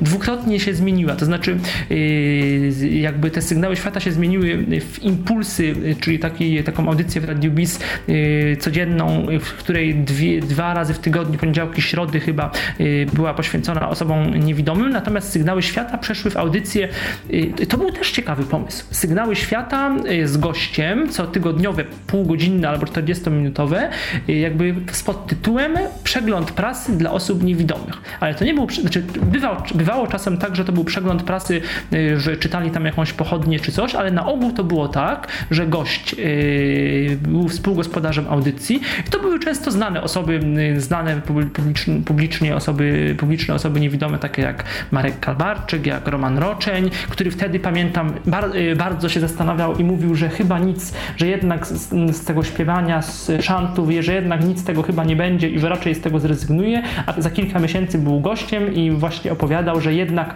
coś się w jego życiu zmieniło i że mocno, y, no że jednak mówiąc o, o pójdzie w to, w to śpiewanie. To gdzieś tak był 96 chyba 97 rok.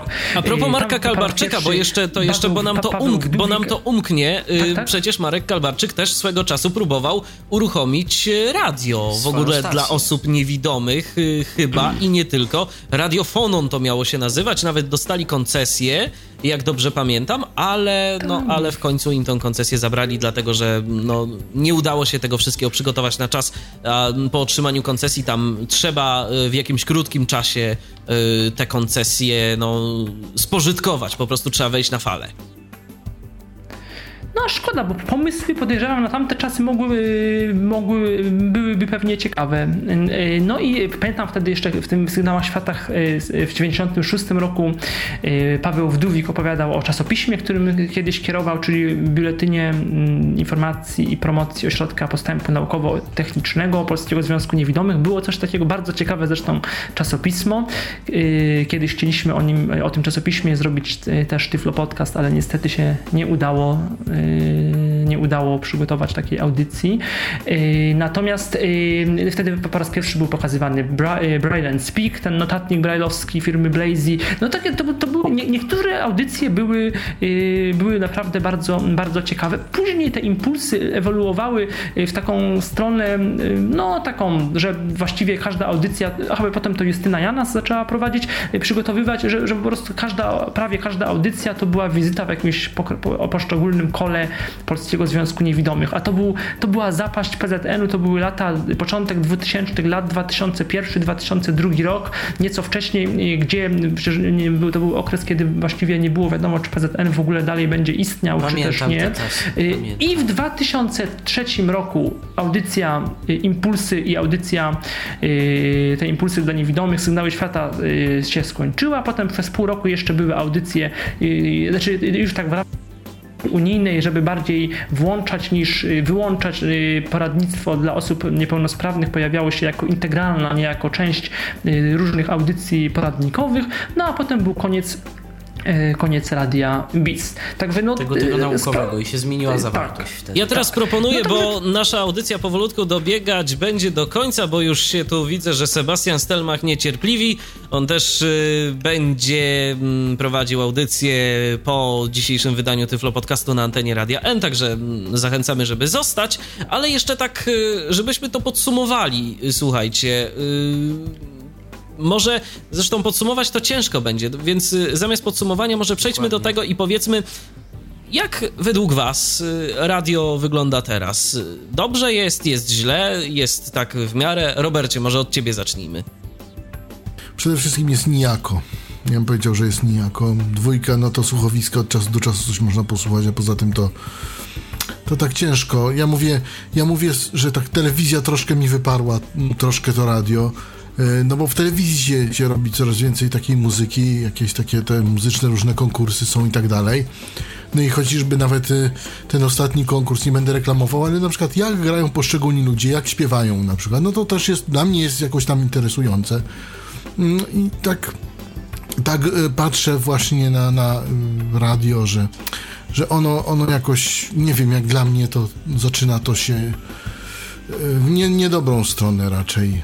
Mm, raczej. Zaczyna, zaczyna to iść w niedobrą stronę. Nie najlepszą.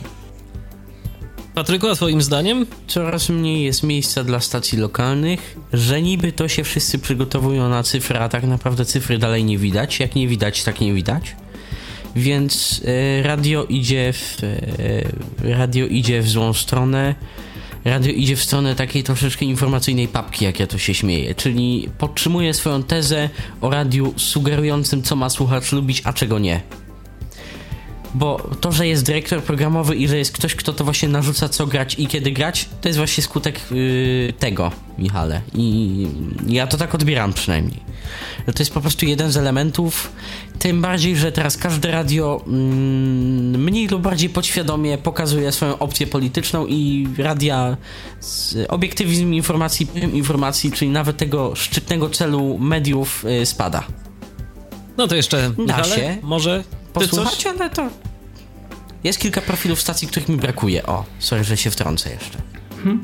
No, daliśmy dowód, Proszę, czy ta, ta, audycja tak się, po, się potoczyła w taki sposób bardzo, w takim nurcie wspomnieniowym. Yy, no i no ja, ja, zupełnie się, czy ja mało się odnajduję w, tym, w tych współczesnych rozgłośniach yy, komercyjnych, yy, tak samo w radiach internetowych, których też raczej nie słucham, bo jakoś do muzyki szczególnie radio nie jest mi aż tak yy, potrzebne. No także co mi, co mi teraz zostało? No zostało, został mi program drugi, mm, został, który bardzo lubię, ale też często nagrywam i później jakieś, yy, jakieś audycje, jakieś audycji słucham. Zostało mi Radio Talk FM, jedynka, trójka, i też może trochę lokalnych, czasem, czasem radio poznańskie, radio Emaus, które ma, informacyjnie jest y, tak lokalnie całkiem nie, całkiem nie najgorsze. Y, a w jaką stronę idzie, idzie radio? No nie wiem, chyba no my, jest, my wszyscy chyba jesteśmy jednak, wszyscy mam na myśli osoby, które dzisiaj wzięły udział w audycji, przyzwyczajeni, chociaż wiemy, co to jest radio towarzyszące, to jesteśmy przyzwyczajeni do radia jakoś tam absorbującego, do radia z wielością jakiejś oferty programowej, y, różnych form, form y, przekazu, y, różnych, jeżeli chodzi o, i o formę, i o treść. Natomiast ktoś, kto się tym nie interesuje, w ogóle może nie zdawać sobie sprawy, że, sprawy, że jest, że występuje tak, z czym może występowało kiedyś tak, takie bogactwo różnorodności rozmaitych typów rozgłośni radiowych, rozmaitych audycji choćby w samym radiu publicznym, ale nie tylko, również, również na różnych lokalnych podwórkach i kto się tym nie interesuje, no to może powiedzieć, no o co chodzi, no jest, jakieś, jest tam jakieś radio, no, no jest, coś tam gra i, i, i w zasadzie tyle. Ja powiem tyle, tak na zakończenie z mojej strony. Radio jako medium towarzyszące jestem jak najbardziej za, bo lubię słuchać tego mm, w czasie pracy, a wtedy nie lubię, jeżeli mm, ta zawartość programowa jest gdzieś tam przegadana. Natomiast co mnie bardzo denerwuje obecnie i powiem szczerze, ja w większości słucham stacji internetowych albo po prostu z różnych zakątków świata, y, gdzie no jeszcze jest do zaoferowania jakaś ciekawsza oferta programowa, a tu wiodą prym stacje brytyjskie, bo tam jeszcze można naprawdę nawet i w rozgłośniach komercyjnych znaleźć coś, coś ciekawego, a okazuje się, że i nawet tam, tamtejsi słuchacze się uskarżają na zawartość programową tamtych, tamtych stacji.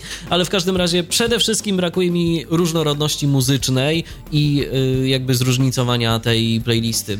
Za dużo w obecnych komercyjnych radiach po prostu tej muzyki się powtarza. No ale od czego jest internet? Tu można posłuchać y, czegoś y, więcej, można posłuchać y, w zasadzie każdego gatunku muzyki, jakiego się chce, a jeżeli się jeszcze znajdzie radio z prezenterem, no to już jest w ogóle, w ogóle bardzo ciekawie. Ja bardzo serdecznie dziękuję za mm, wystąpienie w dzisiejszym Tyflo Podcaście na antenie Radia N moim gościom.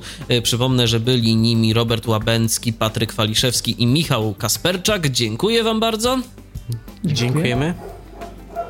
Dziękujemy. Redaktor Nora też dziękuję. Też dziękuję. I ja również dziękuję za uwagę. My słyszymy się ponownie już za tydzień w kolejnym Tyflo Podcaście na antenie Radia N. Usłyszymy się także my jeszcze wcześniej y, w mojej autorskiej audycji zatytułowanej z archiwum M. Ta audycja pojawi się w niedzielę po godzinie 20. Dziękuję bardzo za uwagę. Michał Dziwisz, kłaniam się. Już za moment na moim miejscu Sebastian Stelmach. Był to Tyflo Podcast. Pierwszy polski podcast dla niewidomych i słabowidzących. Program współfinansowany ze środków Państwowego Funduszu Rehabilitacji Osób Niepełnosprawnych.